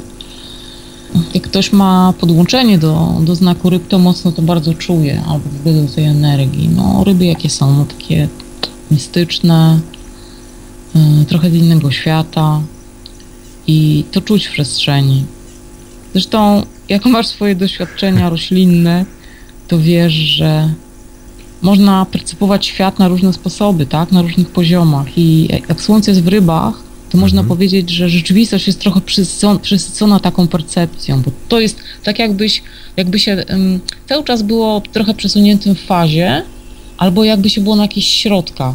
Energia Neptuna, władcy ryb, jest związana z odmiennymi stanami świadomości O. i e, z przechodzeniem jakby na drugą stronę. I e, z, z widzeniem, czy spostrzeganiem, odczuwaniem, o, może tak by było lepiej, tych elementów e, boskich w przestrzeni. Czyli tych tak zwanych ulotnych, subtelnych energii, jak to się zwykło dawniej mawiać. Tak. Patrzysz na świat, jesteś, na przykład ryby patrzą na świat i widzą coś zupełnie innego niż, nie wiem, na przykład y, panny, tak? Bo to są znaki opozycyjne. Czyli można powiedzieć, że ktoś, kto jest mocno nasycony tym znakiem ryb, e, widzi inny świat. Oczywiście każdy znak widzi inny, tak? Ale my mówimy teraz o słońcu w rybach, czyli to jakby wszys- dla wszystkich trochę jest nasycone takim, może zaczynam się plątać coś. Podłączasz się od razu, jak mówisz o tym, to podłączasz się pod tą energię. I czuję, że muszę przełożyć coś, co jest jakby nieokreślalne na, na, na taki Z- normalny tak. Zwerbalizować. Odwzot, tak? się mówi, Słowem tak. pewnych rzeczy nie można objąć. No wracając e, do tego, że Słońce jest teraz w rybach, ale Neptun jest też w rybach, a Neptun jest władcą, mistycznym władcą tego znaku. I on jest w rybach dosyć rzadko, wiesz, ponieważ e, bardzo powoli obiega zodiak Mhm. i w ciągu chyba około 150 lat mniej więcej. Więc e, no rzadko się pojawia w znaku ryb. Czyli właśnie możemy założyć, że 150 lat temu niecałe On właściwie z powrotem jakby był w tej samej pozycji, no Tak, poniekąd. Tak, tak, tak. Czasy Nikoli Tesli. Wow! Neptun, wiesz co, Neptun miał, miał wejście do ryb mniej więcej um, jak była wiosna ludów. Neptun jest też e, związany z, e, z iluzją, z, z tym, co nie- niewidzialne, ale też ze współczuciem, właśnie z percepcją boskich poziomów itd., itd., z, ocean, z oceanami, z mgłą.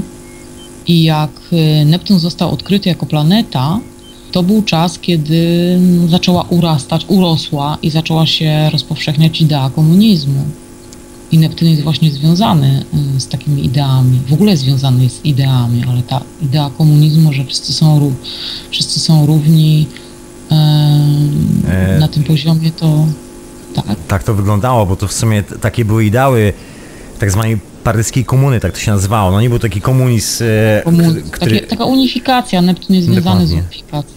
No właśnie teraz sobie sprawdzam sobie i się okazuje, że faktycznie, no tak jak, tak jak mówisz, idealni, to na dodatek jeszcze 1846 rok, czyli Tak. czasy Juliusza Verne dokładnie, bo to był moment... A, e, który był wodnikiem, a, a to nie wiedziałem. Verne był wodnikiem, tak. Stąd te takie, wiesz, nowoczesne różne wynalazki, które, o których pisał, mm, no, są związane właśnie z, e, ze znakiem wodnika. No ale nie wiem, ja, ja nie widziałam osobiście jego horoskopu, przynajmniej nie pamiętam. Wiem tylko, że był wodnikiem. No. To ciekawe czasy były w ogóle, ten cały XIX wiek, szczerze mówiąc. Słuchaj, masz wrażenie, że teraz e, nadchodzi coś bardzo podobnego? Jeżeli chodzi o Oj. ustawienie gwiazd na niebie, znaczy nie, wiesz, podobnego, no w cudzysłowie, bo wiadomo, że nigdy nie będzie tak samo jak wcześniej było, że to wszystko ulega cały czas. pewne cykle, tak, pewne cykle się powtarzają i pewne rzeczy wracają, ale one wracają już jakby, nie idziemy po okręgu, tylko po spirali, nie? Mhm. To tak, można powiedzieć, że pewne rzeczy, tak samo jakbyśmy popatrzyli na to, że przed wojną Pluton, najwolniej poruszająca się planeta, która około 200 250 lat, no tak w cudzysłowie, to nie do końca tam jest chyba 248 czy jakoś tak, obiega e, Zodiak, czyli w znaku jest od 15 do 30 lat. Ona teraz y, weszła na przełomie 2008-2009 ym, do znaku koziorożca. I Pluton związany jest z totalnym uśmiercaniem starych form i z bardzo głęboką, tra- powolną transformacją, taką, że to, co z tej transformacji wynika, już jest czymś zupełnie innym. Nie ma powrotu do starego. W momencie, kiedy Pluton tranzytuje znak koziorożca, wszelkie struktury, jakie są na Ziemi, ulegają totalnej zmianie. Po prostu. Na, na każdym, struktury na każdym poziomie, bo y, znak koziorożca związany jest z, ze strukturu, strukturalizacją, ale też z wielkimi systemami, z państwowością, z rządami. Ja myślę, że I- chyba z monoteizmem przede wszystkim, takim najważniejszym systemem aktualnie panującym. Czy to Tak, się nazwie Bogiem, się- czy wiesz, pieniądzem, to jest jedno i to samo generalnie. Dokładnie. Wszystkie systemy, system jako taki, Matrix jako taki, to jest znak koziorożca i jego władca Saturn. Więc w momencie, kiedy, kiedy Pluton wszedł mm, do koziorożca, to po prostu zmienia nam. yy, No widać, powstają korporacje i tak dalej, nowy porządek świata i tak dalej, i tak dalej. To już nie będziemy w to teraz wchodzić. Ale dlaczego zaczęłam o tym mówić? Bo przed wojną Pluton był w opozycyjnym znaku, w znaku raka, gdzie zaczęły się wyzwalać e, ogromne nacjona, no, jak, jakby takie prądy nacjonalistyczne, co doprowadziło do wiadomo czego, tak, faszyzm i tak dalej. Mhm. I w końcu wybuchła wojna, ale jakby taki, taką podstawą, która napędziła to, był właśnie pobyt y, Plutona e, w znaku raka, gdzie no, nacjonalizmy jakieś takie w ogóle skrajne się tworzyły. I można powiedzieć, że teraz mamy taką, takie dopełnienie energetyczne pewnych rzeczy, które działy się przed wojną i ludzie, którzy nawet nie, nie znają astrologii, ale mają głębokie wejrzenie pewnych, pewne sprawy, obserwują odpowiednio dociekliwie rzeczywistość, wyciągają wnioski, mówią wprost o tym, że teraz dzieją się takie rzeczy, jakie, jakie były przed wojną na pewnym poziomie, że zaczynają narastać pewne zjawiska społeczne, które można z sobą skonfrontować, czy do siebie porównać, czy odnieść do siebie. Tak jakbyśmy mieli teraz pewną powtórkę z rozrywki na jakimś poziomie. Nie zapominajmy o tym, że w latach 30. był wielki kryzys. No już teraz w ogóle o tym nie pamiętają, ale to się Wiesz działo. Się... znaczy ja myślę, że pamiętają, może w Polsce to nie istnieje, ale na zachodzie ten e, kryzys odbył się taką potężną, no taką stygmą się odbił na całym e, społeczeństwie. To był moment, kiedy właściwie załamała się załamała się taka naturalna struktura, nie tyle system, ile taka struktura naszych relacji międzyludzkich. I nagle wte, właśnie wtedy Tak, ja powstały mówię, sy- korporacje. System w sensie rodzi... y, y, y, Głównie chodziło o to, że wtedy można powiedzieć e, Pluton, jak Pluton jest w znaku raka, to te wszystkie ciężkie, bardzo trudne, transformujące do, e, doświadczenia dotyczyły całych narodów, ale dotyczyły też poszczególnych e, osób, dotyczyły pojedynczego człowieka, dotyczyło rodzin, rodów, wszystkiego, co było związane z takim normalnym życiem, z przetrwaniem. Przez to to było takie e, dociekliwe, jak, jak był kryzys, to uderzyło głównie, głównie w rodziny, tak? To, co się, e, tak mi się skojarzyło, że to, co się działo, bo mówi, że na zachodzie, owszem, bo tam jakby to wszystko było... Ja, Wiesz, to jest żywe do Mam dzisiaj, tysiąc wiesz? wątków na raz i nie wiem jakby, Słuchaj, wiesz, nie się... ja tak szybko tylko skończę, że na zachodzie jest to jakby żywe do dzisiaj, jakby ta pamięć wielkiego kryzysu, szczególnie u ludzi ze Stanów, no i w Anglii też, bo wtedy no nagle cały taki mit tego, że pracujemy na wielką, wspaniałą przyszłość po prostu umarł.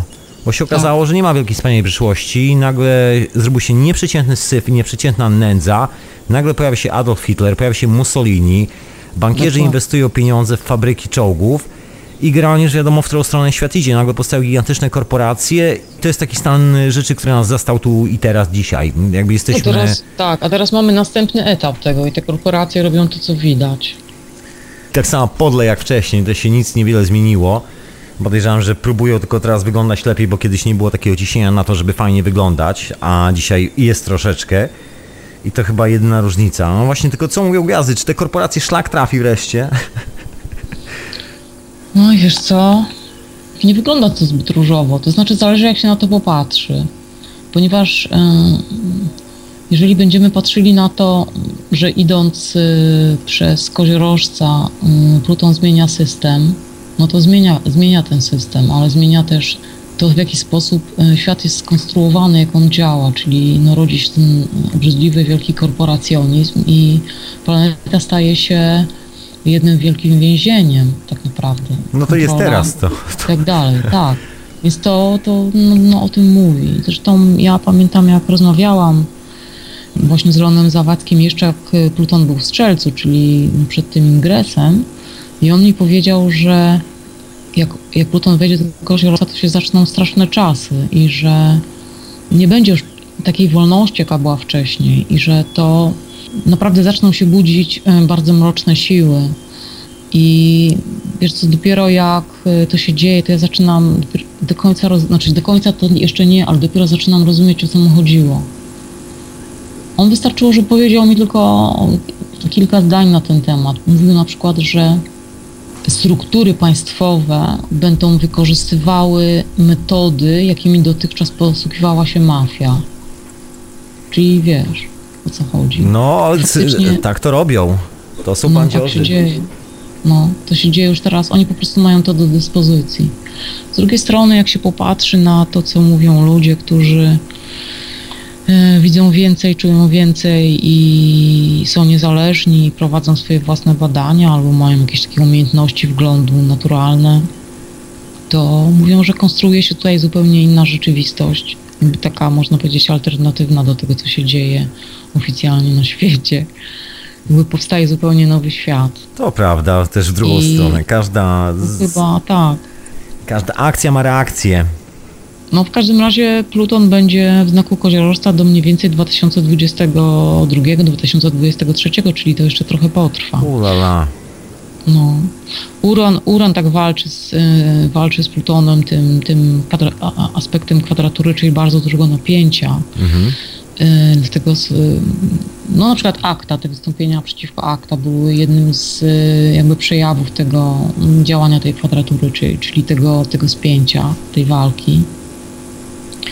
to, że ludzie się po prostu buntują, że no po prostu jest zadyma, tak? Momencie, kiedy mm, uran wejdzie do byka, już nie będzie takich buntów, więc pewne rzeczy można do teraz ugrać jeszcze przez jakiś czas. Uran jest 7 lat w znaku. Wszedł y, do barana w 2011. Taka znamienita troszeczkę data, bo ten 2012 wielu ludzi właśnie y, wieszczyło jako koniec albo początek. Ja wieściłem jako początek bardziej. To się okazuje, że no to faktycznie jest jakiś początek procesu.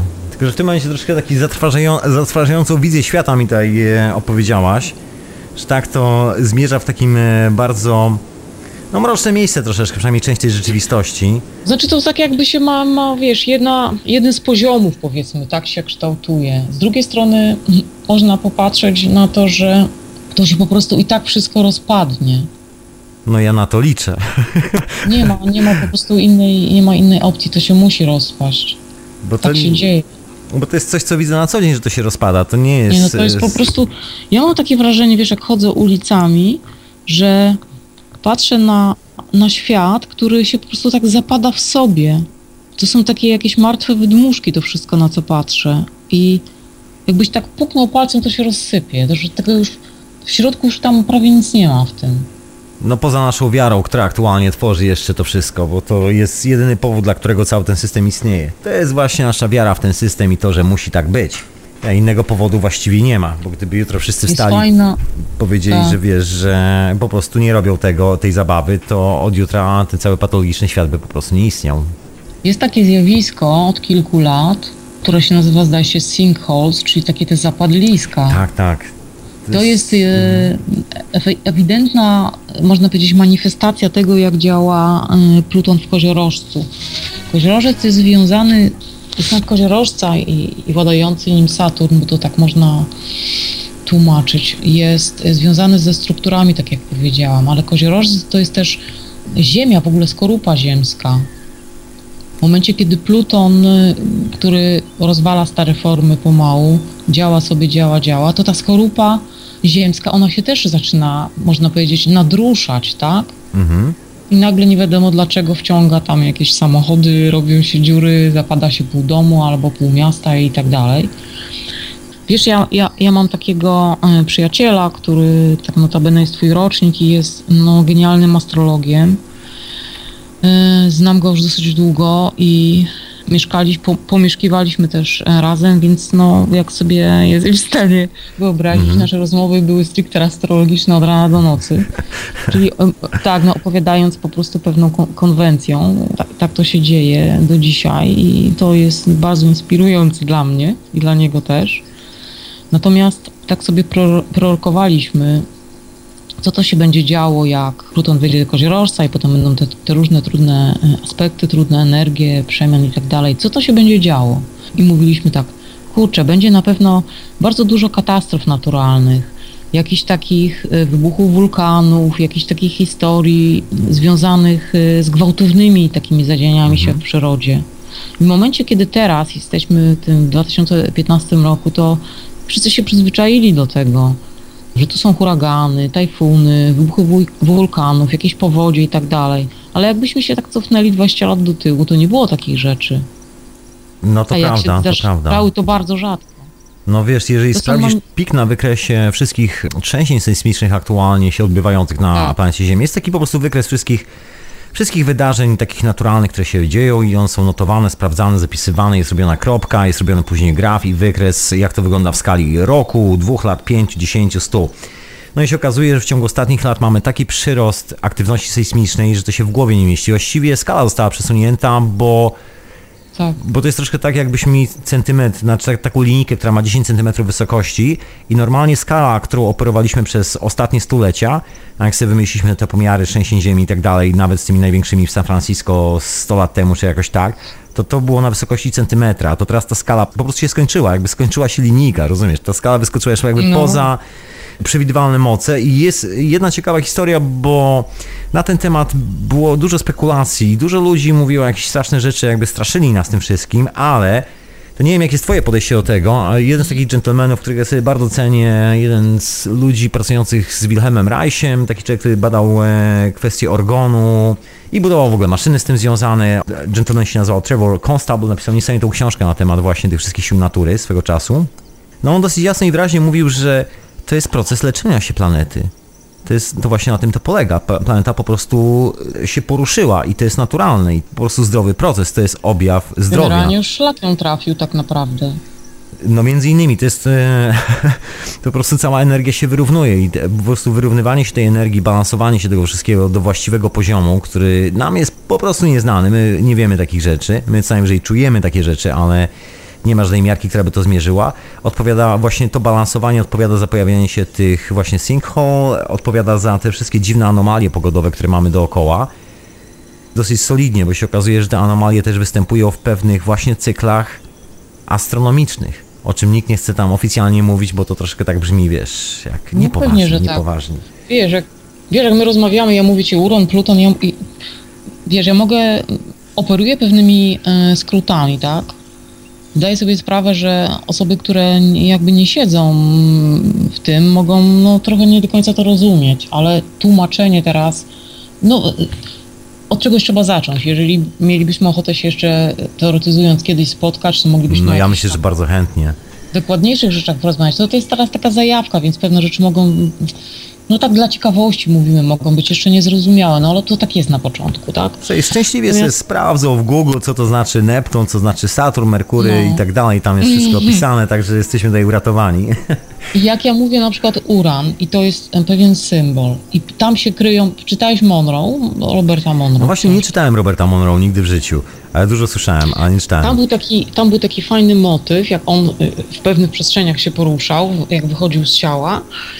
Był tam na którymś e, poziomie tych, tych, tych swoich fokusów i na przykład spotykał jakąś istotę i wchodził w stan e, komunikacji z tą istotą i ta istota rzucała mu, on to nazywał e, rota, rzucała mu taką, powiedzmy, ja bym to nazwała kulką informacji. I on tą rotę na przykład przyjmował Mhm. to był tak jakby zipowany pakiet informacyjny. Okej, troszkę Taki- jak dostęp do kroniki Akaszy, myślę, że... Tak. Okej. Czyli informacja to nie tak, że ktoś podchodził, podchodził do niego koleś i opowiadał, a słuchaj, gdzieś tam byłem, widziałem tego, tamtego, kolor był taki, a i, i na przykład opowiadał mu cztery dni o tym, tylko rzucił mu jedną kulkę i on miał pełną informację na dane tematy, wielopoziomową na dodatek. Po prostu tak jakby hologram złapał. Nie wiem, który mu jeszcze wygrał odpowiednie treści. No, wiadomo, wszystko naraz. Pełną informację wielopoziomową i tak jest symbolem. Kiedy mówię uran, Mhm. to za tym się kryją niesamowite ilości e, treści i informacji. No, uran na przykład e, sygnifikuje trzęsienia ziemi, ale też promieniotwórczość, radioaktywność. Zresztą sam pierwiastek uran, no to wiadomo Dokładnie. co chodzi, tak? Jako władca wodnika uran jest, to się mówi, wyższą oktawą Merkurego, o ile Merkury mówi o komunikacji jako e, władca znaku bliźniąt, to uran mówi o, o umyśle kosmicznym. I wszyscy wynalazcy, którzy, i wszyscy ludzie, którzy jakiekolwiek treści rozwijające to, co się dzieje na Ziemi, wnosili tutaj, to te, te informacje szły kanałem Urana. Nie ma innej możliwości. To jest tak jakby coś nowego pojawia się tutaj i rozwija tą strukturę. Mhm. I no.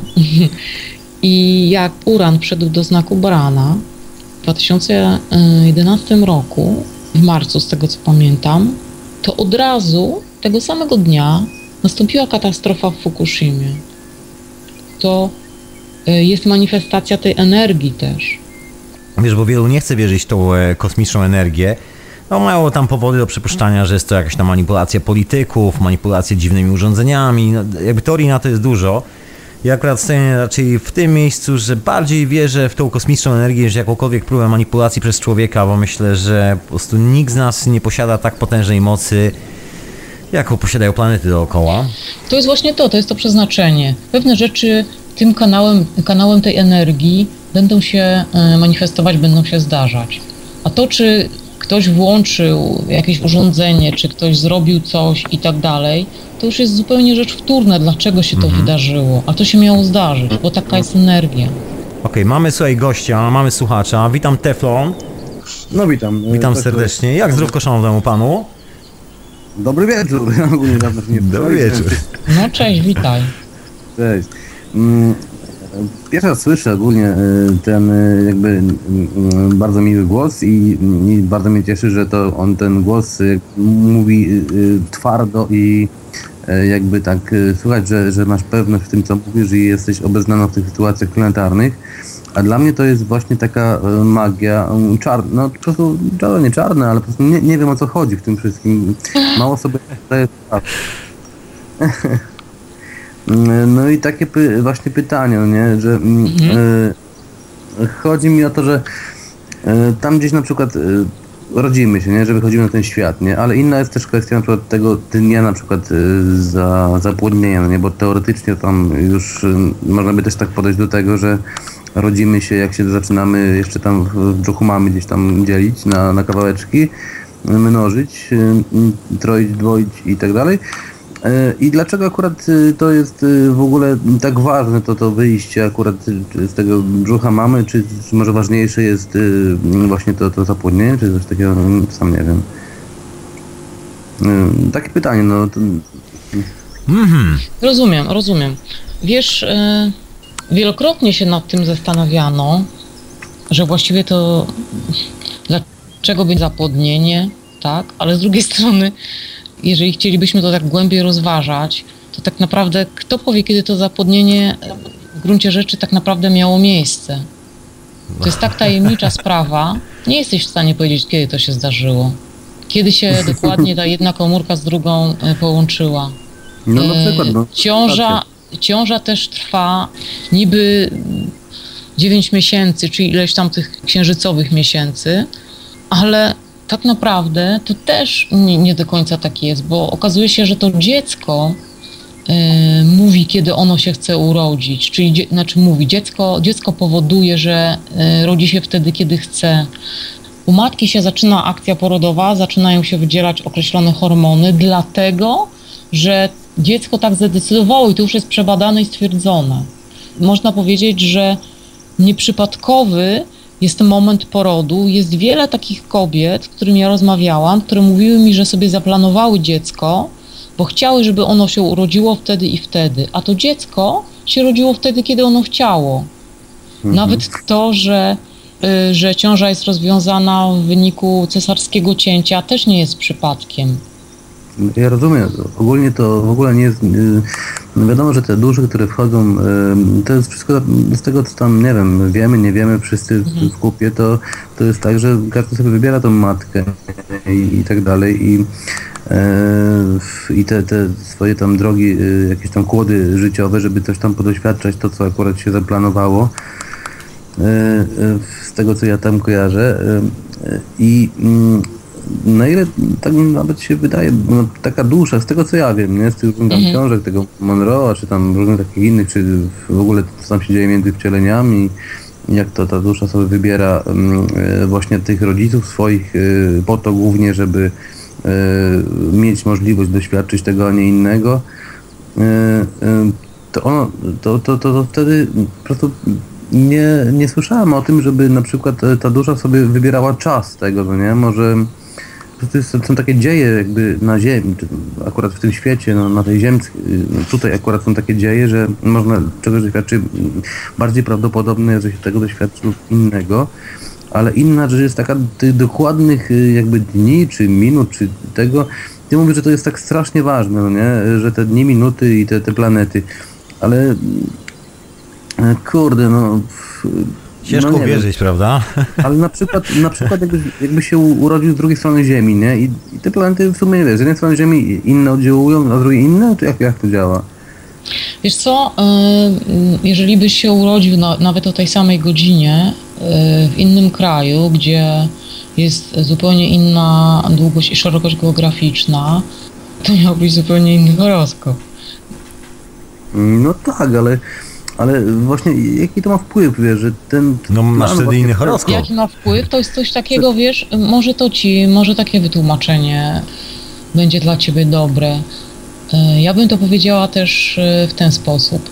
Rodząc się w określonym e, momencie wchodzisz w pewne okno czasowe, w określoną rzeczywistość, w której będziesz funkcjonował i ona jest inna dla ciebie, jeżeli urodziłbyś się innego dnia, czy tam o innej godzinie, to jakby wchodzisz w inny świat.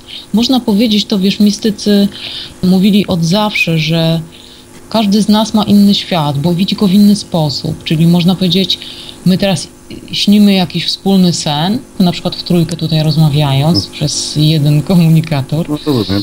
Natomiast każdy z nas odbiera tą sytuację w inny sposób, w inny sposób ją odczuwa, ma inne myśli, czyli trzy różne światy się ze sobą komunikują. I ty, rodząc się o określonej godzinie, określonego dnia i miesiąca, w określonym miejscu, wchodzisz właśnie w taki świat, ślizgujesz się w pewną rzeczywistość i to opisuje później twój horoskop. Nie wiem, czy to wytłumaczenie jakoś bardziej do ciebie dotarło. Tak, y, to dotarło nawet do mnie z tym, że jeszcze jedno. ym, Jeżeli, y, a propos tych chronologii, no nie, że najpierw ja, jako właśnie świadomość, y, czyli ja, wybieram sobie, że mm, chcę to i to i tak doświadczyć co innego. To, to a nie co innego. Więc y, ten czas narodzin, y, myślę, że y, to nie planety determinują to, kim ja będę, czy coś tam, tylko ja sobie sam wybieram. mm, Może te właśnie energie planetarne jakby na to wpływają, nie? Ale to ja decyduję, kiedy, kiedy mm, które energie sobie wybieram do, do tego. Nie, nie tak może Ty być? jako dusza sobie, owszem, to wybierasz, ale w momencie, kiedy jesteśmy tutaj, to z poziomu osobowości nie jesteś sobie w stanie tego wybrać. E, Dzisiaj już nie, no nie, ale, ale kiedyś gdzieś tam e, wybierając właśnie tą swoją drogę życiową e, wcześniej, bo mm, no bo zgodzimy się z tym, że jednak mamy tutaj coś w planie z, z założenia od góry już coś doświadczać, nie? Ja, ja bym tak spuentował do tego, że w momencie, kiedy wybierasz, kiedy dokonujemy tego wyboru, jesteśmy tą energią kosmiczną, także to nie jest kwestia Tak. potraktowania, że dlaczego ja wybieram to, dlaczego tamto. To nie jest kwestia, dlaczego wybieramy. My po prostu jesteśmy nie, tą bo- bo- energią i podążamy jakby pewnym optymalnym jesteśmy, torem. Mhm. Nie? Jesteśmy, no nie? Tylko, że chodzi mi o to, że dzisiaj, dzisiaj może być księżniczką, jutro możesz być y, jakimś menelem, no nie? Y, I, I to jest kwestia tego, y, wiesz, że ty sobie dzisiaj wybierasz, jeszcze przed narodzeniem, wybierasz sobie, że ty chcesz być w tym życiu księżniczką, bo jeszcze nigdy nie byłeś księżniczką i nie wiesz, jak to tam być księżniczką jest. I tego, i, i ten czas narodzin, wydaje mi się, mm, jest już upatrzony z góry. To nie to, że planety to y, y, po prostu y, ten wybierają, tylko po prostu To sam nie się... jest tak, że planety to wybierają. Ty, o, w ogóle nie o to chodzi. Ja mam hipotezę, słuchajcie moi drodzy, taką hipotezę jak hipotezę, to jest coś, to jest moja kosmologia Mm. i brzmi to mniej więcej nie- tak, że... Panie Teflonie, bo tak powiedziałeś o tym, że wiesz, podałeś taki konkretny przykład, że raz się księżniczką, raz, raz żebrakiem, czy jakoś tak, a mi się wydaje, że chodzi o coś zupełnie jakby innego. Cel jest o wiele większy i cel jakby przerasta kwestię sposobu, w jaki zdobywamy doświadczenie. Czy zdobędziesz to doświadczenie będąc e, księżniczką, czego ci życzę, niezależnie od twoich preferencji seksualnych, Ja też. Rozumiesz? E, Czy też będziesz żebrakiem, czego ci absolutnie, znaczy w sumie życzę ci samych pozytywnych doświadczeń, ale nie żebyś miał same jakieś kiepskie. Niech to będzie bycie po prostu radosnym kloszardem e, w dobrych czasach w, we właściwym miejscu, Paryżu. I to będzie miało jakiś sens, rozumiesz, ale jakby suma doświadczeń jest zawsze taka sama. Będziesz miał e, tą samą historię do przerobienia jako... Podsumować trochę, nie? Podsumować trochę chciałem, bo, bo, bo taki trochę ten... Chodzi mi o to, że mm, y, nie, co mi nie pasowało trochę w tej, w tej wypowiedzi, że te planety tak bardzo determinują jakby życie, no nie? Z tym, że jeszcze się dodać... Dokładnie. To jest to nieustanne pytanie, które się pojawia zawsze przy okazji horoskopu i astrologii. Jak bardzo deterministyczny jest ten co, cały to, świat? no, to jest takie, to jest tak. W momencie, kiedy zaczynasz obserwować w swoim życiu, jak to wygląda, to zaczynasz to rozumieć. Okazuje się, że to jest bardzo głębokie wszystko i tym kieruje wyższa inteligencja niż nam się wydaje, że, że to tak wygląda, a nie inaczej. Ale to może jest Powiem nasza tak, inteligencja. Ale posłuchaj, ale No. co, co chciałem tobie też powiedzieć, że mm, Słucham. Też wziąć to, żebyś nawet sama to wzięła pod uwagę, nie? Że my w ogóle wcielając się w, w cielsko takie, a nie inne, po prostu wybierając sobie, bo z tego co ja wiem, to tak właśnie jest, że wybieramy sobie rodzinę po to, żeby doświadczać akurat tych y, przygód, jakie się doświadcza, nie innych. I, i, I może też ten czas y, i te planety po prostu samemu się wybiera, to z góry już my osobiście jako świadomość wybieramy ten czas i to miejsce i tak dalej. Y, A to, że te planety akurat tak się układają, to one służą temu, żeby to, to się y, doświadczyło. No. No oczywiście planety są pewną, to jak my patrzymy na planety, to jest y, opis pewnych warunków, które konstruują naszą rzeczywistość. Tylko i wyłącznie. Są to pewne kanały energetyczne, które po prostu tworzą nasze życie. To jest bardzo skrótowe mówienie w tym momencie, ale mam, mam, mam nadzieję, że mnie rozumiesz. No, To nie jest tak, że gdzieś jakieś planety sobie coś wymyśliły i zrobiły. Planety są po prostu budowniczymi pewnych warunków, pokazują coś. Możemy tak to opisać za pomocą takiego symbolicznego języka. To tak trochę brzmi, y, wiesz, dla kogoś, kto nie siedzi w tym, dosyć idiotycznie, można powiedzieć. koniecznie. Wręcz ja sobie zdaję sprawę, powiem Ci, że w momencie, kiedy ja, nie wiem, 20 lat temu gdzieś tam sobie, to pamiętam bardzo dokładnie, słucham jakiejś audycji w radiu i kobieta takiej kretyńskiej audycji, takiej właśnie jarmarcznej, zaczęła komuś opowiadać, a pan ma teraz tak, bo panu Jowisz coś tam i coś tam. Ja sobie myślę, co napierdzieli ta kobieta? Dlaczego Jowisz ma facetowi coś tam? A to był taki po prostu, wiesz, chamski skrót pewnych bardzo głębokich treści, więc to może tak wyglądać. Ja sobie zdaję sprawę, że dla kogoś, kto nie siedzi w temacie, to może wyglądać dosyć dziwnie, ale zapewniam Dobrze. cię, że gdybyś e, zajął się tym trochę głębiej, miałbyś e, więcej informacji na ten temat, śledził, śledziłbyś swój horoskop, to zobaczyłbyś, że za tym się otwiera niesamowicie skomplikowany i bardzo głęboki świat. I Ja mam w ogóle respekt przed czymś takim, jak mi ktoś mówi właśnie, wiesz, bo ja tak samo mam swo- swoim, po prostu też na jakieś tematy coś więcej wiem i, i też ciężko mi dyskutować z kimś, co na przykład faktycznie, to a propos porównania mnie do ciebie na przykład w tym temacie, no nie? E, i, I tego. E, Tylko tyle, po prostu zwyczajnie mnie nie pasowało e, to, że, że, że tak bardzo jest. e, I te, ale, ale chciałem sobie to, chciałem to tak e, jakby sobie wytłumaczyć i też powiedzieć to może wszystkim, co, co słuchają, że mi tak, ja, ja sobie to wytłumaczyłem, że ten czas urodzenia i, i, i jakie planety mają wchodzić w grę, e, jakie te energie mają wchodzić, e, że jednak sobie sami to wybieramy e, jeszcze przed narodzeniem, no nie? Co do, co do wybierania sobie przez nas przed rodzeniem, zgadzam się z Tobą w zupełności. Również z tego powodu, że przydarzyło mi się takie doświadczenie, mm, że tak powiem, z pogranicza śmierci, kiedy miałam mniej więcej 16 lat i znalazłam się w miejscu, z którego się dzieliłam tutaj. Oczywiście jako, znaczy, można powiedzieć, doświadczyłam tego, kim jestem tak naprawdę. I e, nie miało to nic wspólnego z tą Joanną, która tutaj siedzi we Wrocławiu i rozmawia z wami przez Skype'a. Zdałam sobie sprawę, że przypomniało mi się, że ja tym jestem i jak ja mogłam w ogóle o tym zapomnieć. no Rozumiesz? A potem i, i, i jednocześnie miałam takie odczucie, kurczę, to to na dole tam, to całe, z czego ja teraz przyszłam, to w ogóle nie jestem ja. I potem przyszło takie niesamowite tam, totalne olśnienie, że przecież ja sobie to sama wybrałam. I to jest bardzo ważne. I to, że mam tak przerąbane tam na dole, to właśnie nie ma do czegoś doprowadzić. I powiem Tak, ci, no. że to doświadczenie tego, kim jesteś naprawdę, tam powiedzenie, że światłem to jest w ogóle, wiesz, No to takie nie o tym mówię. opuszczenie, że aż boli.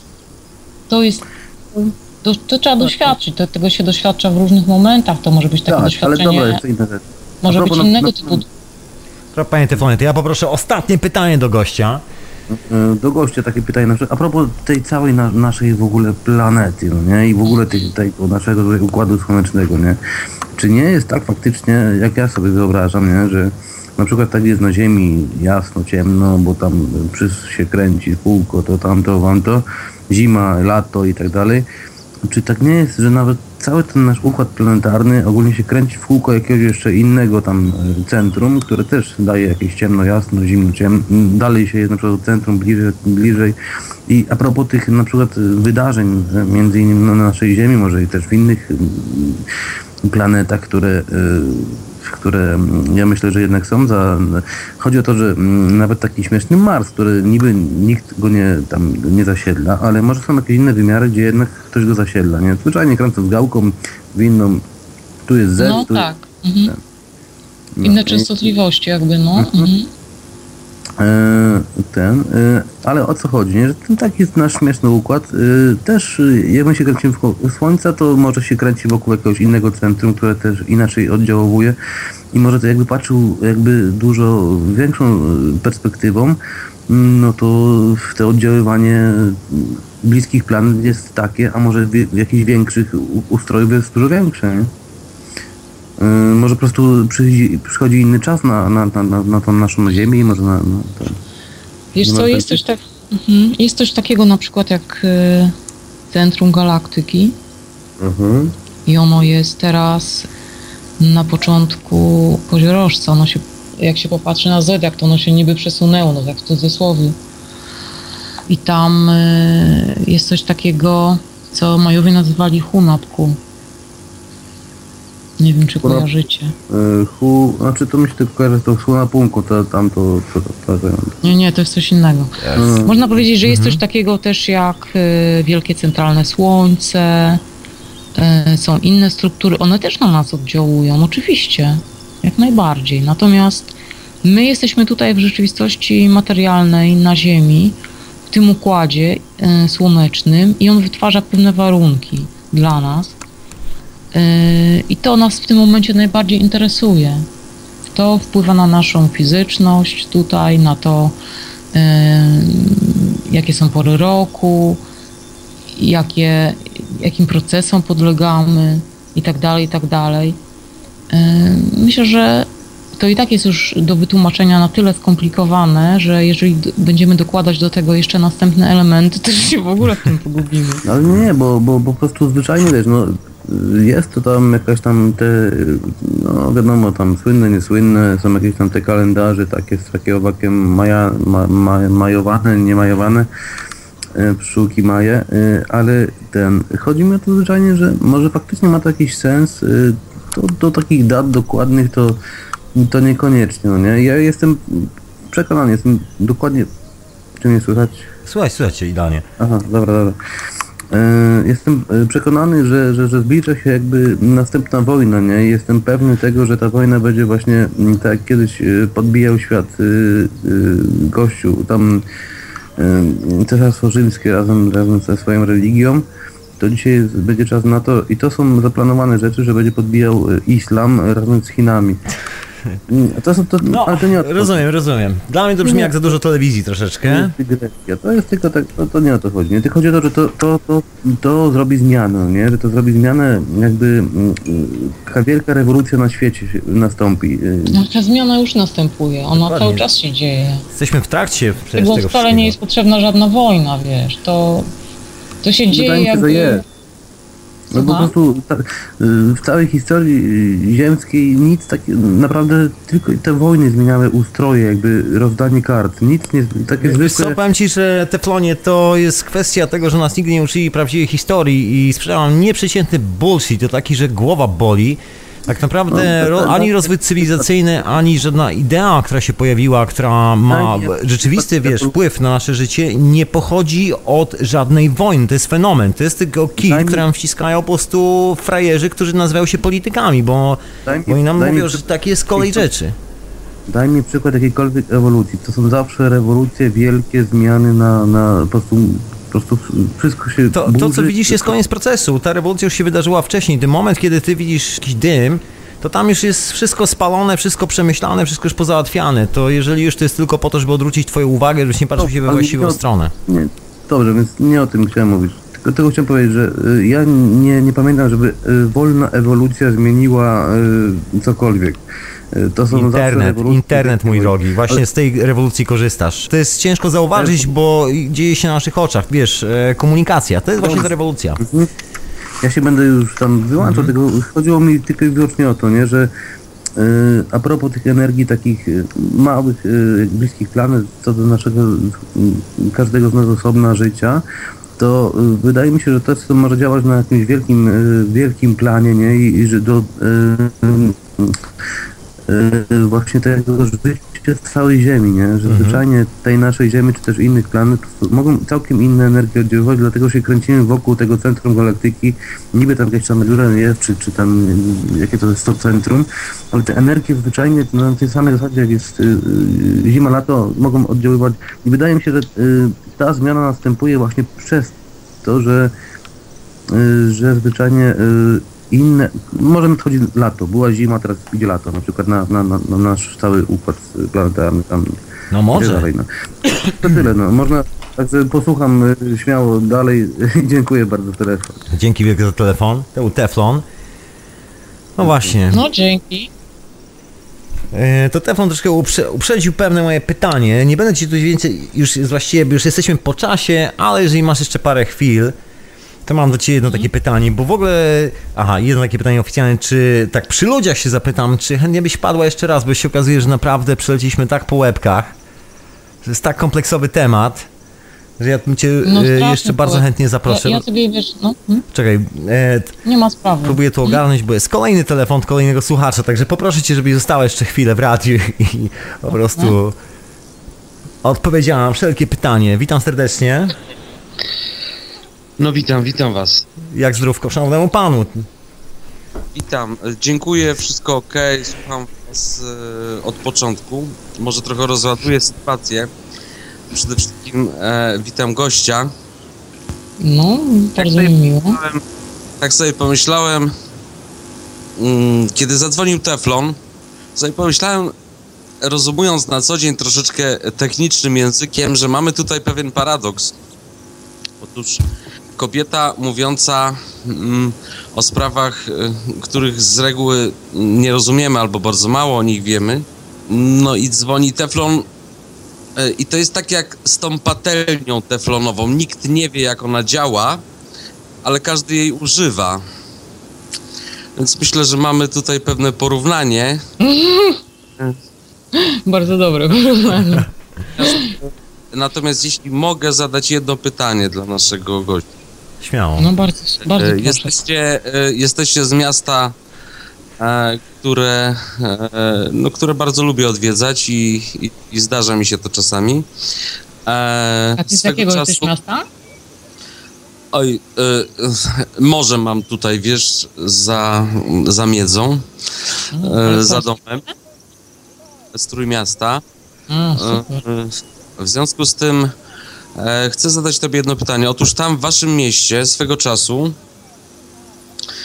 e, poznałem ludzi mm, właśnie e, e, z kręgu zainteresowań, e, czy też profesji, o której dzisiaj nam tutaj opowiadasz. I teraz wspomnieliście o tych momentach narodzin, planowania, mm, jak to się ma.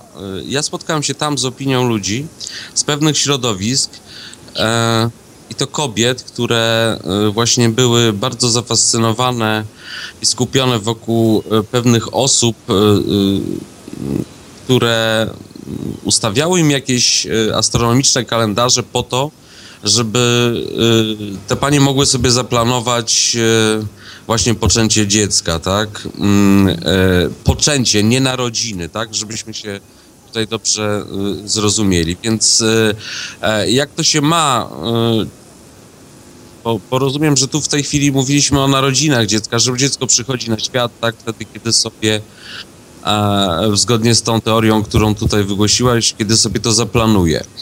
E, natomiast jak to się ma z poczęciem? Czy te kalendarze y, astronomiczne, które no, gdzieś tam funkcjonują i w jakiś sposób y, no, no nie wiem jak to określić, bo to jest e, dla nas ciężko zrozumiałe, tak? Jest to pewna wiedza dosyć specyficzna, e, natomiast no, albo ją ktoś przyjmuje, albo nie, tak? E, w pełni szacunku i dla tego kogoś, kto tą wiedzę posiada.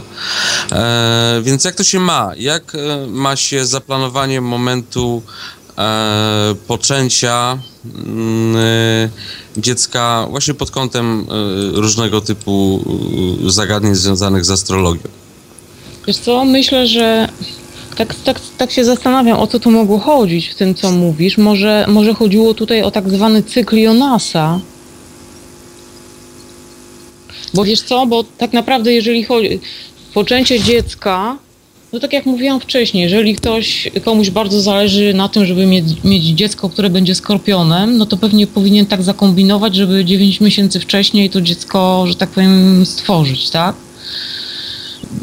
No i może mu się to udać, e, że to dziecko się urodzi wtedy, ale jeżeli to dziecko jako dusza sobie zaplanowało zupełnie inną historię, no to ono będzie na przykład wcześniakiem albo będzie przenoszone i wcale, wcale się nie urodzi wtedy, kiedy chcieli ci rodzice. Natomiast myślę, że to, o czym ty mówisz, może mi, mogło mieć związek z tym, że ktoś e, na przykład e, miał problem z zapłodnieniem, bo są w dzisiejszych czasach bardzo dużo takich przypadków, że ludzie mają e, problem, żeby mieć dzieci i e, żeby jakby wykorzystać tą, tą płodność w maksymalny sposób, żeby, żeby się w ogóle wstrzelić e, w ten moment, który jest istotny tutaj, ten, e, kie- kiedy zapłodnienie może mieć miejsce. Można się wspomóc tutaj też astrologią i wyko- wykorzystuje się wtedy tak zwany cykl Jonasa, czyli Jonasza. Jonasz to był taki czeski lekarz, który wykorzystywał też e, badania astrologiczne do tego, żeby właśnie, może inaczej powiem, on badał horoskopy kobiet, pracował jako praktyk gdzieś w szpitalu. W każdym razie z jego badań e, powstał jeden bardzo ciekawy wniosek, że oprócz tego cyklu owulacyjnego, który mają wszystkie kobiety normalnie i wiadomo o co chodzi, jest też jakby pod tym wszystkim jeszcze jeden cykl y, związany z płodnością, który uzależniony jest od pozycji księżyca w horoskopie kobiety. I okazuje się, że ten właśnie dodatkowy y, cykl płodności idzie swoim takim specyficznym swoim torem i on się może nijak mieć do fizycznej owulacji. E, Okazuje się, e, że mm, bardzo wiele kobiet zachodzi w ciążę w ogóle nie w momencie owulacji. Mogą na przykład w momencie menstruacji zajść w ciążę. E, Jak się później okazuje, jak się to bada, no to jak? No to, to w ogóle przeczy nauce, tak? Więc skoro nauka mówi, że kobieta jest płodna tylko w momencie owulacji, a to jest tak z grubsza rzecz biorąc około 24 godziny w ciągu całego miesiąca, to dlaczego te kobiety zachodzą w ciążę, używając tak zwanego kalendarzyka, tak, w ogóle w innych momentach, kiedy teoretycznie nie powinny być płodne. Okazuje się, że są płodne właśnie wtedy, kiedy ten księżyc jest w specyficznym położeniu. To się wykorzystuje do tego, a właśnie, żeby zajść w ciążę, albo żeby nie zajść w ciążę. I być może o to Ja- chodziło, tak podejrzewam. E, e, świetnie, e, dziękuję Ci za tą wypowiedź. Wysłuchałem tego, bo to jest no, coś, no, ciekawy kawał wiedzy. Nie słyszałem o tym. Dla mnie jakaś nowość. Świetnie się tego słucha. Powiem Ci tylko, że tak naprawdę nie chodziło o to, dlatego że no, byłem świadkiem tego i to niejednokrotnie. Chodziło wręcz tym kobietom o to, żeby to dziecko, które się urodzi, żeby y, y, właśnie urodziło się i miało w związku z tym pewne cechy, które one w tym dziecku by, y, prawda, widziały. Czyli chciały mieć takie, takie, a nie inne dziecko. Moje pytanie jest w związku z tym takie, co ty o tym sądzisz, tak? Czy sądzisz, że aż tak dalece powinniśmy ingerować y, y, nawet wykorzystując tutaj astrologię, żeby zaplanować sobie, e, prawda, bo tam jeszcze dochodziły różne aspekty, jakieś ascendenty, cudawianki, przepraszam, nie znam, nie wiem, słyszę od ciebie ciekawe rzeczy, natomiast e, e, to planowanie e, e, było i ustawianie takich horoskopów urodzinowych czy narodzinowych, tak, było bardzo takie precyzyjne i, i, i powiedz mi, co sądzisz o tym, czy aż tak powinniśmy, e, kiedy tu słyszę o tym, że tak czy inaczej to dziecko wybierze sobie swój moment, kiedy zechce się pojawić na świecie, czy ta, aż tak daleko powinniśmy ingerować, tak, czy też rodzice, czy matka powinna ingerować, co sądzisz o tym? Wiesz co, dla mnie to jest schiza po prostu. E, rozumiem. Control Freaks. Znaczy powiem tak po prostu prostym tekstem, no to jest e, po prostu jakiś przerost ego, nie wiem, ludzie chyba, nie wiem, nudzą się, nie mają co robić, wymyślają takie rzeczy, to jest bez sensu. No, y, y, wasze miasto jest bardzo y, kolorowe i zróżnicowane, więc tam, y, y, więc tam i tacy są ludzie pewnie. Wiesz co, w każdym mieście są różni Taka- ludzie, nie wiem czy to akurat, wiesz, wynika z tego, że to we Wrocławiu i tak dalej, no nie wiem, być może, skoro tak E, nie, nie, uważasz. ja to, ja mówiłem, E, ja mówiłem to, ja mówiłem to w pozytywnym aspekcie tego, tak, żeby, żeby tutaj dobrze być zrozumianym. Natomiast e, e, no tak, wtedy też sobie pomyślałem o tym, że no nie wiem, uczestniczę w jakimś e, spektaklu e, planowania sobie, nie wiem, e, poczułem się jak jakiś genetyk, który, e, który gdzieś e, patrzy na coś i, jeszcze nie wiadomo jak się przy takich sytuacjach zachować. Ja tak? panu mówię, tam to trzeba ma- ma- Również wówczas było jakieś... Ja mogę tak tylko tutaj dorzucę, że takiej mamie po prostu należy powiedzieć, że być może jak się urodzi, być może będzie wszystko ok ze znakami zodiaku, będzie miał predyspozycje i tak dalej, no ale urośnie taki duży, przyjdzie do ciebie i będzie ci zabierał wszystkie pieniądze z renty. Rozumiesz? Takie filmy o wyrodnych synach przypominają i wyrodnych dzieciach w takich Ja myślę, sytuacjach. że, ja myślę, że tak, y, y, y, że dzisiaj nie będę zawracał tutaj gościowi dłużej, bo ale, ale sądzę, że zdołasz namówić, żeby jeszcze nie raz może odwiedził audycję i radio, Nie bo sprawy, tematy są ciekawe. Myślę, że słuchacze włączą się też do dyskusji, a temat jest chyba no, No. niekończącą się opowieścią, także, także cóż, pozdrawiam, dziękuję i hej, do no było nam usłyszenia. bardzo miło. Dzięki wielkie za telefon. Słuchaj, chyba będziemy mieli jeszcze jeden to od jednego słuchacza. Sorry, że tak się przytrzymuje. No. E, No wiesz, po prostu temat jest naprawdę rewelacyjny i właściwie niewielu ludzi tak naprawdę cokolwiek o tym wie, poza oczywiście tym, że widzą w gazecie taki pasek z cyklu Jesteś wodnikiem. Tak. Jut, jutro, jutro już miał dwójkę dzieci. Albo bliźniaki, albo stracisz pracę, albo już nie żyjesz. Czy jakoś tak. Także wszyscy znają to tylko od tej najbardziej kretyńskiej cypeliady po No prostu. bo tak, to Cepeliada, to fakt. Słuchaj, mam na koniec takie pytanie, zanim jeszcze telefon, jeżeli telefon się pojawi, to, to go od razu włączę. Okej, już się pojawił. No to zadałem pytanie. Okej, e, już odbieram, dołączam. Witam serdecznie, panie Januszu. Halo, halo. E, Jest, jest e, wszystko dobrze słychać? Idealnie. Jak zdrówko szanownemu panu? Mam nadzieję, że doskonale. No lekkie przeziębienie, ale poza tym wszystko dobrze i już jestem zdr- zdrowy w zasadzie. E, chciałem tylko jedną, a w zasadzie kilka rzeczy mm, dopowiedzieć, bo tutaj właśnie stwierdziliście, że 150 lat temu to była wiosna ludów. Akurat nie, e, bo wtedy właśnie zbliża się już sam koniec wojny secesyjnej.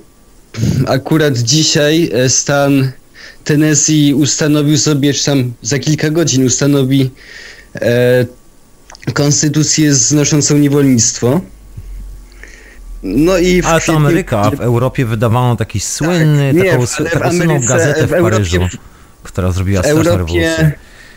e, wojna ludów była w 48, a tam to, To było prawda. w, pięć, w e, oś- e, 65, więc po prostu no.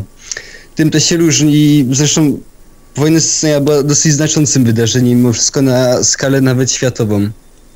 No i właśnie chciałem bardzo serdecznie pozdrowić panią tutaj astrolog. No i w zasadzie to, to tyle. To dziękuję no za dziękuję poprawienie. i. Pozdrawiam Tak. serdecznie. Dzięki wielkie. O widzisz, już nas poprawiono, już nas tu kolega poprawił, już skwitował. I bardzo No dobrze. wiesz, no spoko, jak mu się dobrze zrobiło, to gratulacje. Bardzo dobrze. Gdyby tak policzyć 150 lat do, do tyłu, no to faktycznie znaczy ten cykl... Zapomniałem, o którą planetę chodziło. O Neptuna. O Neptuna, poczekaj, bo Neptun ma więcej, ma, 100, ma 154 czy 164 lata zdaje się, jakoś tak No obrotu. tak, I to by wyglądało na to, może że w ogóle... coś. Gdyby tak sprawdzić, okej, no mniejsze już o detale, każdy może sobie powiedzieć na kalkulatorze, ale to jest taki moment, że właściwie dobrze, że słuchacz przypomniał, bo ta za- zawierucha, która się działa we Francji, właściwie w całej Europie wtedy, miała też dokładnie swoją drugą stronę, działa się dokładnie w Ameryce, że było zabawniej. W tym samym czasie to był taki gorący moment na świecie, jeżeli chodzi o tak zwane Chiny, Hongkong i tam dominację brytyjską, tam też się działy e, dziwne rzeczy. Wygląda w ogóle na taką bardzo kompleksową historię, bo słuchacz przypomniał mi, że faktycznie coś się tam dzieje. Myśmy mówili o tym, kiedy odkryto Neptuna i że e, manifestacją, że, że jakby no co się działo wtedy w Europie, jeżeli chodzi o powstawanie akurat y, komunizmu, tych idei, że one się tam Dokładnie. jakoś mo- mocowały, ale no, nie, nie mówimy w tym momencie o historii, bo moglibyśmy opowiadać mnóstwo. To, jest, to był tylko taki mały przykład, tak? Teraz Słońce jest w rybach i idzie na Neptuna.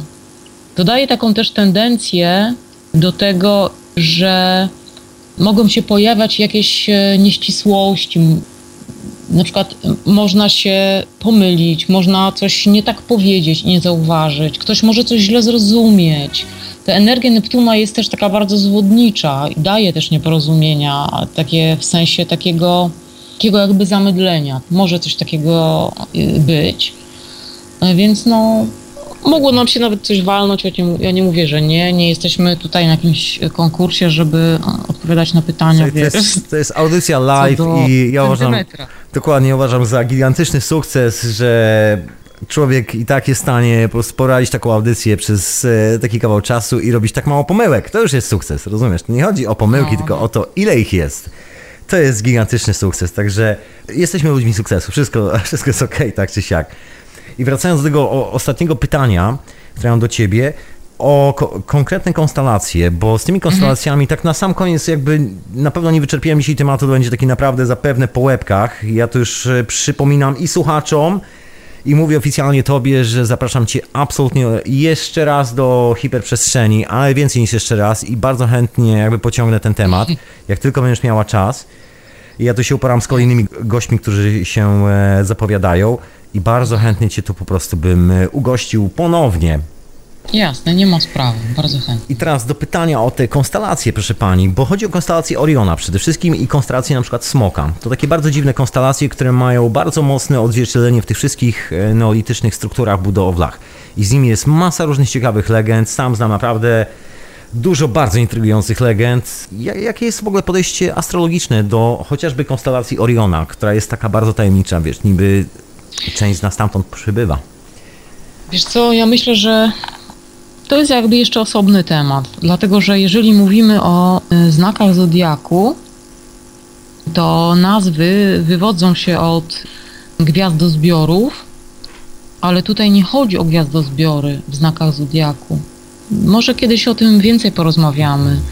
Mówimy tutaj o, o zodiaku, czyli o takim y, wyobrażonym pasie który jest wokół Ziemi na sferze niebieskiej, na ekliptyce, który no, ma 360 stopni, ten, ten pas, tak, i jest podzielony na 12 odcinków po 30 e, stopni.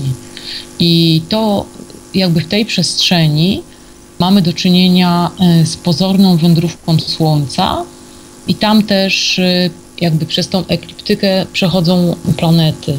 I my z Ziemi geocentrycznie obserwujemy na ekliptyce właśnie te, te parady planet. Natomiast to, co ty mówisz, to się dzieje już w przestrzeni niebieskiej, tak? Czy to jest, słuchaj, gwiazdozbiór zająca, tak to się nazywa popularnie. Bo to jest tuż nad Orionem właściwie nie wiem właśnie jak to wygląda w, w astrologii. Czy jest jakaś specja- jakieś specjalne znaczenie, jakaś tendencja przypisana tej części na niebie? Wiesz co, musiałabym, musiałabym się y, pod względem gwiazd stałych tutaj jeszcze rozejrzeć, dlatego że oprócz planet i, no i innych sygnifikacji, o których może jeszcze kiedyś porozmawiamy, bo jest na przykład też coś takiego jak węzeł księżycowy albo czarny księżyc chociażby, to są też gwiazdy stałe. To jest już w ogóle niesamowita historia, ponieważ tak zwane gwiazdy stałe, które notabene najlepiej, najdokładniej opisali astrolodzy arabscy, którzy wnieśli olbrzymią ilość wiedzy do astrologii i w ogóle wiele gwiazd stałych ma arabskie nazwy. To właśnie jest coś takiego, można powiedzieć, jak astrologia planetarna, tak, to, to o czym mówiliśmy, ale jest też astrologia gwiazd stałych. Bywa tak, że to, co dzieje się w tranzytach, no na przykład masz tranzyt Plutona przez swoje planety, to są bardzo trudne doświadczenia, długotrwałe i tak dalej, zmieniające człowieka, ale nieraz się dzieje coś tak niesamowitego, tak spektakularnego, w życiu danego człowieka i nie można tego wytłumaczyć wpływem jakiejkolwiek planety, bo to jest po prostu jakiś, no, na przykład mega Armagedon, taka zmiana, że no, po prostu nie ma, nie ma wytłumaczenia na to, dlaczego akurat teraz coś takiego się stało. No nie powinno. A Okazuje się, że to na przykład był ruch jakiejś gwiazdy stałej w horoskopie, która w coś uderzyła. Aha, I to czyli- są potężne energie, one są o wiele mocniejsze niż energie planet często. I jeżeli człowiek ma urodzeniowo na przykład połączenie y, swoich planet albo jakichś ważnych punktów w horoskopie z jakąś gwiazdą stałą, to to wy- wywiera ogromne też znaczenie na, i, i bardzo duży wpływ na tego człowieka. Jest na przykład taka gwiazda, ona jest teraz pod koniec byka, która nazywa się Algol i to jest jedna z najbardziej złoczynnych gwiazd. I nawet jak y, są tranzyty planet na niebie i one przechodzą właśnie przez tego Algola, to też bardzo mocno może zadziałać. Bardzo złoczynnie, tak? Aha, Na czyli- przykład y, Plejadach. Plejady są chyba teraz, z tego co pamiętam, na początku bliźniąt, a były pod koniec byka, siedem sióstr, tak? Co, mogę Siedem rzucić gwiazd. okiem, mogę rzucić, rzucam okiem na... Jeżeli to jest e, ten aktualny układ, który jest aktualnie na niebie, to mogę Ci tu pomóc, bo mam mapę nieba pod ręką. Bo sobie tak cały czas podczas tej rozmowy oglądam, starając się, wiesz, zobaczyć przyszłość gwiazd. e, No nie jestem tak dobry jak Ty, ale staram się. Staram się spakować tą wiedzę i zobaczyć. Sobie szukamy miejsca, które jest obok... No one są tuż nad zającem właściwie Plejady. Jakby to opisać? Są pod nami, my ich nie widzimy na niebie, przynajmniej w tej naszej szerokości geograficznej jeszcze. One dopiero za 4 godziny będą widoczne na niebie chyba? Jakoś tak? Wiesz co, nie wiem gdzie mi się podziały na mapie Plejady. A już mam chyba. Okej, już mam. I gdzie powinny być? No one teraz wypa- e, wypadają, jeżeli byś popatrzył z Ziemi, to na ekliptyce, tam gdzie... Już nie, może sobie już bredy. One wypadają teraz w bliźniętach. Na początku bliźniąt, z tego co pamiętam. Czekaj, już sprawdzam. Mm. No mam tu bliźniaki. Jest, ta moja mapa chyba nie jest aż tak dokładna, nie wyświetla mi wszystkiego na bieżąco. Nie, mam plejady, chyba mam już. Okej, co to znaczy? Bo wiesz, bo to, że wy, wygląda na niebie, to jest jedno, ale co to znaczy dla ludzi na Ziemi? Wiesz co to różnie znaczy, na przykład wia- e, teraz Słońce będzie niedługo w koniunkcji na przykład z gwiazdą stałą, która nazywa się Fomalhaut i to jest dość jasna gwiazda na początku konstelacji ryb teraz. Osoby, które mają na przykład Słońce w koniunkcji z tą, z tą gwiazdą stałą, można powiedzieć obdarzone są bardzo specyficznymi cechami. Znam osobiście osobę, która no, ma taki układ w swoim horoskopie i ona się no, zajmuje niesamowitymi rzeczami, jest bardzo uduchowiona. I zaj- zajmuje się też takimi dziedzinami ezoterycznymi. Gwiazda stała Fomalhaut no też wymaga dużo od człowieka, który ma taki układ, potrafi mu bardzo dużo dać, ale też jeżeli on nie wykorzystuje tego swojego potencja- potencjału, tego daru, no to potrafi mu nieźle na nosie e, zagrać. Czy, czy jest, Czyli, czy jest to e, taka energia, którą trzeba po prostu utrzymać zawsze w rękach, bo się okazuje, że właściwie, wiesz, tak e, próbuję podsumować troszeczkę, bo nie chcę cię tu strasznie długo dzisiaj trzymać. I taką mam refleksję, że to chodzi o gigantyczny potencjał energetyczny. Nic więcej. I z jednej strony, tak jak opowiadałeś o tym horoskopie, tym pierwszym, czyli tym natalnym, z którym Mhm, się tak. rodzimy, on pokazuje nam pewne predyspozycje nas samych, jakie mamy po prostu przychodząc w tym życiu na świat. A po drodze mamy ten horoskop, który się dzieje aktualnie cały czas na niebie, czyli wszystkie te zjawiska, które zachodzą na bieżąco, które są takim wyzwalaczem energii, taki wzmacniacz. I teraz właściwie tylko i wyłącznie od nas zależy, co my zrobimy z tą energią. Tak od nas zależy, bo to ten, te po- pojedyncze horoskopy to tak naprawdę są jakieś stop, klat, stop klatki nas samych, tak? W naszym rozwoju. To wszystko jesteśmy my, tylko zależy jak, jak spot- spojrzymy na ten aspekt siebie, czy na, ten, na to zatrzymanie siebie w czasie, w tej przestrzeni. Y, Można też powiedzieć, że jesteśmy olbrzymim hologramem, tak? My sami, hologramem skonstruowanym z wielorakich energii i możemy opisać pewne aspekty tego hologramu, posługując się językiem astrologii. Astrologia jest po prostu pewnym systemem do opisu rzeczywistości, który jest bardzo otwarty, jest e, opisem symbolicznym. On się cały czas rozwija, jest nieograniczony, ale jeżeli e, dobrze się jakby dopasujemy do tego narzędzia, e, odpowiednio poznamy to narzędzie i będziemy się szkolić w tym, żeby się nim e, odpowiednio posługiwać, to jesteśmy w stanie bardzo poszerzyć swoje zrozumienie nas samych, tego, gdzie jesteśmy, po co jesteśmy i jak to wszystko funkcjonuje, na jakich zasadach, do czego zmierza, czyli można powiedzieć, nie jesteśmy zagubieni.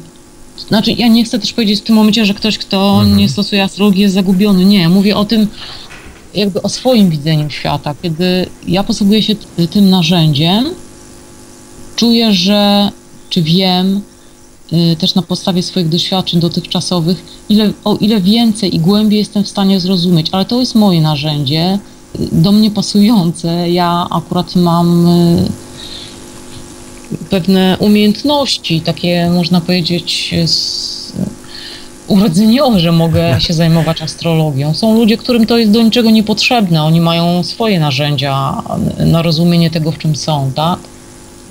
Dokładnie, to prawda. No każdy, każdy ma swoje troszkę inne predyspozycje, można tak powiedzieć. Ktoś się czuje lepiej lub gorzej. I chyba lepiej, żeby ludzie, którzy czują tą energię, raczej zajmowali się rzeczami związanymi z tą energią. To myślę zawsze najlepiej działa. Oczywiście.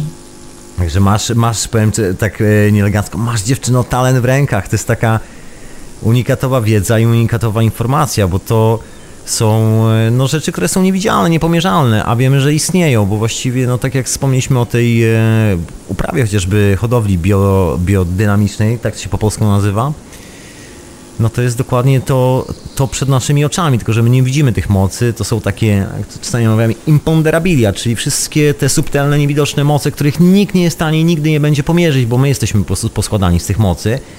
Jedyne co możemy zobaczyć to w sposób jaki świat reaguje na, na po prostu te wszystkie zakrzywienia energetyczne dookoła nas i to widać, i to po prostu krzyczy dookoła, wystarczy wejść do lasów podczas pełni, także to są takie rzeczy dosyć mocno widoczne. I no jest to gigantyczna wiedza, także ja Cię zapraszam, e, żebyś tu się jeszcze raz pojawiła. Nie będę Ci mówił kiedy, co i jak, to sobie ustalimy poza anteną, proszę Pani. Ale słuchaj, no koniecznie muszę Cię tu, że tak powiem, przytulić do tej audycji i popytać trochę więcej i jak się okazuje temat jest tak głęboki, że my dzisiaj to nawet scratch the surface, nawet nie podrapaliśmy tej, tej surface, tej, Oj, no żeśmy tego Surface'a rzeczywiście dokładnie to nie podrapali. W ogóle potężny temat, potężny. No ja, jestem bardzo myślę, że- zaintrygowany. Ja myślę, że y, dla osób, które nie miały z, zbyt dużej styczności wcześniej, no to mm, no, trochę mogła być bajka o żelaznym wilku, E, ale na pewno jest to ciekawe. Może kogoś to zainspiruje do mm, jakichś poszukiwań.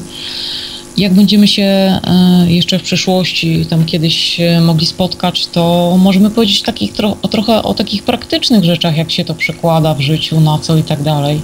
Ja mogę powiedzieć e, tak może na koniec, że bardzo ciekawe są badania na przykład horoskopów całej swojej rodziny, kiedy możesz zobaczyć, jak pewne wzorce energetyczne się powtarzają. To do tego stopnia nawet, słuchaj, ja kiedyś znalazłam książkę w księgarni o moim przodku, jak się okazało, o którym wtedy nie wiedziałam w ogóle, że taki gość był. Potem się dopiero dowiedziałam, że faktycznie. I człowiek ten urodził się w 1809 roku, czyli dosyć dawno temu. No tak, Goethe taki troszeczkę. Był, był, wielki, był wynalazcą, był inżynierem, wyjechał z Polski, studiował, e, uczył się, na początku studiował na Politechnice Warszawskiej, potem e, chyba we Francji, w Anglii. Wylądował w końcu e, w Wenezueli i tam do końca życia e, funkcjonował. Zbudował tą drogi w ogóle, wytyczył jej, zbudował, więc te drogi, które są dzisiaj, to właściwie można jemu zawdzięczać. Był genialnym konstruktorem i wynalazcą i tak dalej, i tak ale wiesz, ja zrobiłam mu horoskop. Nie znałam oczywiście godziny urodzenia, ale data była tam napisana w tej książce. I wyobraź sobie, że horoskop jego y, miał obsadzone te same znaki, które są obsadzone w moim horoskopie, nieraz prawie co do stopnia. Praktycznie można powiedzieć, że ta historia w tej rodzinie, że obsadzone są takie, a nie inne znaki w taki, a nie inny sposób, jest y, no po prostu never ending story. Powtarza się coś w danym rodzie i, i to się ciągnie, tak? I dopiero to można czarno na białym zobaczyć, oglądając horoskop, czyli można powiedzieć mapę energetyczną, jaka jest danego człowieka. Słuchaj, czy te- zawsze, czy zawsze do takiego horoskopu, żebyś... całej rodziny. Jak miałam y, do czynienia z ustawieniami y, Hellingera, chyba z rok temu, Halo, halo, coś nas tu zrywa czasami. coś mi zni- zniknęło. Okej, na jest, jestem cały czas. E, Czasami ten Skype się dziwnie zachowuje, także, ale mam nadzieję, że już mnie słyszysz, ja ciebie Tak. słyszę. Okej, bo skończyłaś na ustawieniach hellingerowskich. Halo, halo. Tak, mówię, że Mhm. y, jak byłam na... Tak, słyszysz mnie już teraz? Idealnie, idealnie, proszę pani. Y, Byłam rok temu mniej więcej na ustawieniu robionym przez y, no, taką bardzo charyzmatyczną osobę, która y, nazywa się Ewa Renata Cyzman-Bany. Niesamowita kobieta, może jeszcze kiedyś e, o tym coś opowiem. Y, Wizjonerka taka y, naprawdę no szacun. Zaczęłam się bardzo interesować tym tematem też y, tak zwanej y, psychogenealogii później i tak dalej. I zaczęłam to tak jakby eksperymentalnie badać właśnie w swojej rodzinie, jak pewne wzorce się, wiesz, yy, dziedziczą i co tak naprawdę z tego wynika i co to jest. Już tak nie tylko teoretyzując, patrząc na horoskop, ale tak jakby w, w mięsie, w ciele, jak, jak to funkcjonuje. Dlaczego nie mogłam, wiesz, wy, wy, wyjść z pewnych historii i już nie, nie, nie będę się teraz rozwodzić, bo nie mamy na to czasu, ale to, co się bada w czasie takiego ustawienia, pewne rzeczy wychodzą, e, takie, a nie inne. I można powiedzieć, że załatwia się, powiedzmy, dany problem, który ma e, pewien człowiek. Przychodzi na ustawienie, ma jakiś problem, robi się ustawienie, wychodzi to i tamto można wiele tych rzeczy, gdyby, ja tak sobie myślę bardzo często, jakby połączyć takie dziedziny, wiesz. Razem do Mm. kupy. No jest, To, tak, to, jest, to, się- to się tworzy mega sprawa po prostu. jest taki gentleman z Kanady, pochodzi z rodziny węgierskich Żydów, którzy wy, wyemigrowali do Kanady lata, lata temu. Pan psycholog, zawsze zapominam jego imienia. Pracuje z ludźmi, którzy są bardzo mocno, no generalnie uzależnieni od bardzo ciężkich substancji, heroiny i tak dalej, z takimi bardzo ekstremalnymi przypadkami, ludźmi w stanach klity, klinicznych, którzy właściwie mają już wyrok śmierci wypisany, bo mają na przykład AIDS albo coś takiego, takie bardzo ekstremalne sytuacje. Gabor. E, Gabor Mate, tak się nazywa ten gentleman. I on e, zupełnie od innej strony, bo to co mówisz, to dokładnie zgadza się z tym, co on e, odkrył w swojej pracy, bo on jest takim pionierem w e, odkryciu czegoś takiego jak pamięć mięśniowa. Znaczy on to tak w skrócie nazywa pamięć mięśniowa. Jest to pamięć nie tylko mięśniowa, bo ona się ma- manifestuje w naszych mięśniach. I to jest troszeczkę tak, jak mówisz o, o tych astrologicznych historiach, bo on mówi dokładnie to samo, że mamy wszystkie rzeczy po przodkach i że jeżeli wiesz, jak to zrobić, to właściwie rozwiązujesz problemy, które na, na plecy nam wrzuciła nasza babcia, nasz dziadek, jakąś niezałatwioną sprawą albo coś w tym stylu. I że to, to wszystko dokładnie jest związane właśnie z tymi cyklami, no takimi bardzo astronomicznymi bym powiedział. Wiesz, on akurat siedzi, pracuje z szamanami z ayahuaską w dżungli, spędza tam dużo czasu lecząc ludzi właśnie z heroiny i wielu różnych bardzo poważnych problemów. I generalnie bardzo podobne refleksje, także wygląda na to, że się tak czy siak chyba jesteśmy skazani na to, że astrologia, która jeszcze jest trochę zapomnianą wiedzą, nie wiem dlaczego, takie czasy może szalone troszeczkę, sam o tym mówiłaś, że są szalone czasy. Także z- może ta astrolo, astrologia, No tak. Ale dlaczego zapomniano, to jeszcze możemy kiedyś powiedzieć. to myślę, że następnym razem ja cię chętnie popytam o to wszystko, bo naprawdę jest to fascynujące. I myślę, że tak czy siak jesteśmy skazani na to, żeby połączyć te wszystkie elementy ze sobą. Bo to jest taka wiedza, która po prostu strasznie ucierpiała Tak. z, z właśnie na, na rozdarciu tego wszystkiego, na tym, że rozdzieliliśmy chemię, rozdzieliliśmy biologię, rozdzieliliśmy właściwie wszystko, co się dało na kawałki i efekt jest po prostu przerażający. Nie najlepszy w każdym razie. I teraz chyba jest taki moment, żeby z powrotem to wszystko połączyć do kupy, zebrać to razem i zacząć używać tak, jak używali nasi przodkowie, tak normalnie, od początku do końca. Tak coś mi się wydaje. No też tak myślę. To co, proszę pani, kończymy na dzisiaj, nie przeciągamy. Ja nie będę ci dzisiaj, nie mam sumienia po prostu cię trzymać tak długo. Jestem okej, ale, ale nie mam sumienia. I umawiamy się na kolejną wizytę, proszę pani. Nie ma sprawy, bardzo chętnie. Ja może będą jakieś pytania jeszcze tam w tak zwanym międzyczasie czy coś. Eee, No nie ma sprawy. Słuchaj, to ja ci już złapię, że tak powiem, jak się wyśpimy. Jak jeszcze, jak jeszcze jesteś na chodzie, to zapraszam cię na wieczorową porę w Radiu na Fali, którą ja tam jeszcze prowadzę i tam gadam jeszcze trochę. Także zapraszam bardzo serdecznie, jeżeli masz ochotę. A my się złapiemy już, y, już, już jak się wyśpimy i to zorganizujemy. Także drodzy słuchacze, nie martwcie się. Ten gość, Asia, to się jeszcze pojawi. Bo naprawdę, tak wiesz, ja myślałem, że powiemy coś tak bardziej e, więcej, to się okazuje, że temat jest po prostu tak potężny, się po prostu nie da, że samo, sam początek w ogóle Nie, opowiedzenia, nie da się. czym jest w Co ogóle to by trzeba astrologia. było, ja myślę, że jakby, nie wiem, jakimś takim abecadłem rzucić na początku, yy, żeby powiedzieć, co to są te planety, co to są te znaki, jak one działają, a tak naprawdę taki zrobić malutki elementarzyk, żeby ludzie wiedzieli o co kaman w tym wszystkim, no to wtedy wiadomo o czym my mówimy, a tak to jest bardzo takie Znaczy, no, enigmatyczne wiesz, troszeczkę. nienamacalne, tak? Tak, tak. Ale wiesz co, nie przejmuj się, może tak, następnym razem zrobimy odrobinę takiej wersji dla niezaawansowanych tak zwanych, z tymi informacjami o planetach, a później z portem wskoczymy w troszkę głębsze tematy, bo te głębsze tematy naprawdę są bardzo intrygujące, No, powiedział no są szczerze. najbardziej gościarskie, tak. Tak, tak, bo tu, wiesz, jak opowiadasz o tym wszystkim, to mm, mi się to skojarzy z bardzo wieloma sprawami, które ja gdzieś tam spotykam od strony technicznej, przy zagadnieniu zwanym popularnie free energy, y, spotykam to przy bardzo wielu różnych rzeczach i to nie jest tak, że to jest tylko i wyłącznie wiedza z jednej dziedziny. Wygląda na to, że jest to, że dotykamy czegoś, co jest bardzo kompleksowe i ta kompleksowa część okazuje się, czy chcemy, czy nie, naszą naturą, bo po prostu tam nas ciągnie. No to jest kosmos. No. Otóż to. My jesteśmy z kosmosu, proszę Państwa. Z pyłu kosmicznego. No to było mi bardzo miło i bardzo się cieszę, że nam się fajnie rozmawia. Także do następnego razu. To ja dziękuję szalenie No. za, za, za gościnę, za bycie obecną i za te niesamowite informacje. I za w ogóle danie się zaprosić jeszcze raz. Także wielce dziękuję. Jak to mawiało w e, niektórych stronach, namaste. Myślę, że to jest doskonały pomysł na określenie każdej sytuacji. Także namaste, proszę szanownej pani i do usłyszenia już niebawem. Szanownemu. No to w takim razie Dziękuję bardzo Do- jeszcze raz. do usłyszenia. Dobra. To był nasz gość, słuchajcie.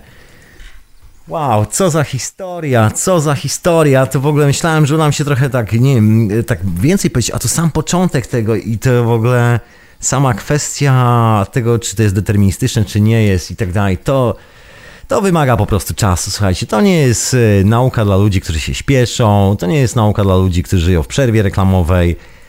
I to nie jest absolutnie dla nich. To wymaga po prostu czasu. Także przypominam Wam, moi drodzy, że to się pojawi jeszcze w radiu na fali, pojawi się w hiperprzestrzeni. Asia na 100% tu się pojawi i, i ten temat będziemy troszeczkę ciągnęli, bo rzecz jest naprawdę kompleksowa. To tyle na dzisiaj. Ja jestem po prostu wstrząśnięty, zmieszany z tym, że tyle rzeczy się dzieje na, na niebie, tyle gwiazd, tyle historii, a ja nic o tym prawie nie wiem. To się poczułem. No nic, moi drodzy, dziękuję Wam bardzo serdecznie za wysiedzenie z tą hiperprzestrzenią i z gościem, i ze mną, i wysłuchanie tych wszystkich opowieści. Mam nadzieję, że pojawicie się bardzo chętnie na, na kolejnym odcinku poświęconym właśnie astrologii. Kiedy będzie jeszcze nie wiemy, za tydzień jeszcze nie wiem, co się będzie działo, ale myślę, że to tak całkiem niedługo nie będziemy przekładali w nieskończoność, także podejrzewam, że bardziej pójdziemy za ciosem, jakbym to określił, także nastawiajcie się, że całkiem niedługo, bardzo niedługo, już niedługo, już wkrótce, ja tu zaproszę jeszcze raz Asię i to myślę nie po raz ostatni, żeby podrążyć temat astrologii, temat tego, czym są gwiazdy, jak to w ogóle oddziałuje na nas, słuchajcie, bo temat jest naprawdę potężny. Dobra, już nie będę więcej mówił, jak potężny jest ten temat, bo, bo po prostu nie skończę tego mówić. Także dzięki jeszcze raz, kochani, za wysłuchanie. Peace and love dla wszystkich słuchaczy online i dla wszystkich słuchaczy offline. Pozdrawiam wszystkich na czacie, na tego czata tak dzisiaj nie zaglądałem, bo rozmowa bardzo intensywna, także przepraszam was czatownicy, że tam rzadko zaglądałem, ale macie telefon y, do Radia na Fali, macie Skype'a, także jakby co, to dzwońcie się, odzywajcie na wieczorowej porze, jakby co. A ja tam sobie tak czy siak później zaglądam na tego czata, tak, tak czy siak na niego patrzę jednym okiem. To tyle na dzisiaj, moi drodzy. Dziękuję jeszcze raz serdecznie za waszą cierpliwość i wytrzymałość, bo się nam przeciągnęło prawie godzinę. No, bywa. I bardzo dobrze się przyciągnęło. Tak miało być. Zatem zapraszam na kolejny odcinek Hiperprzestrzeni i do usłyszenia niebawem. Właśnie, słuchaliście Hiperprzestrzeni w radiu na fali.com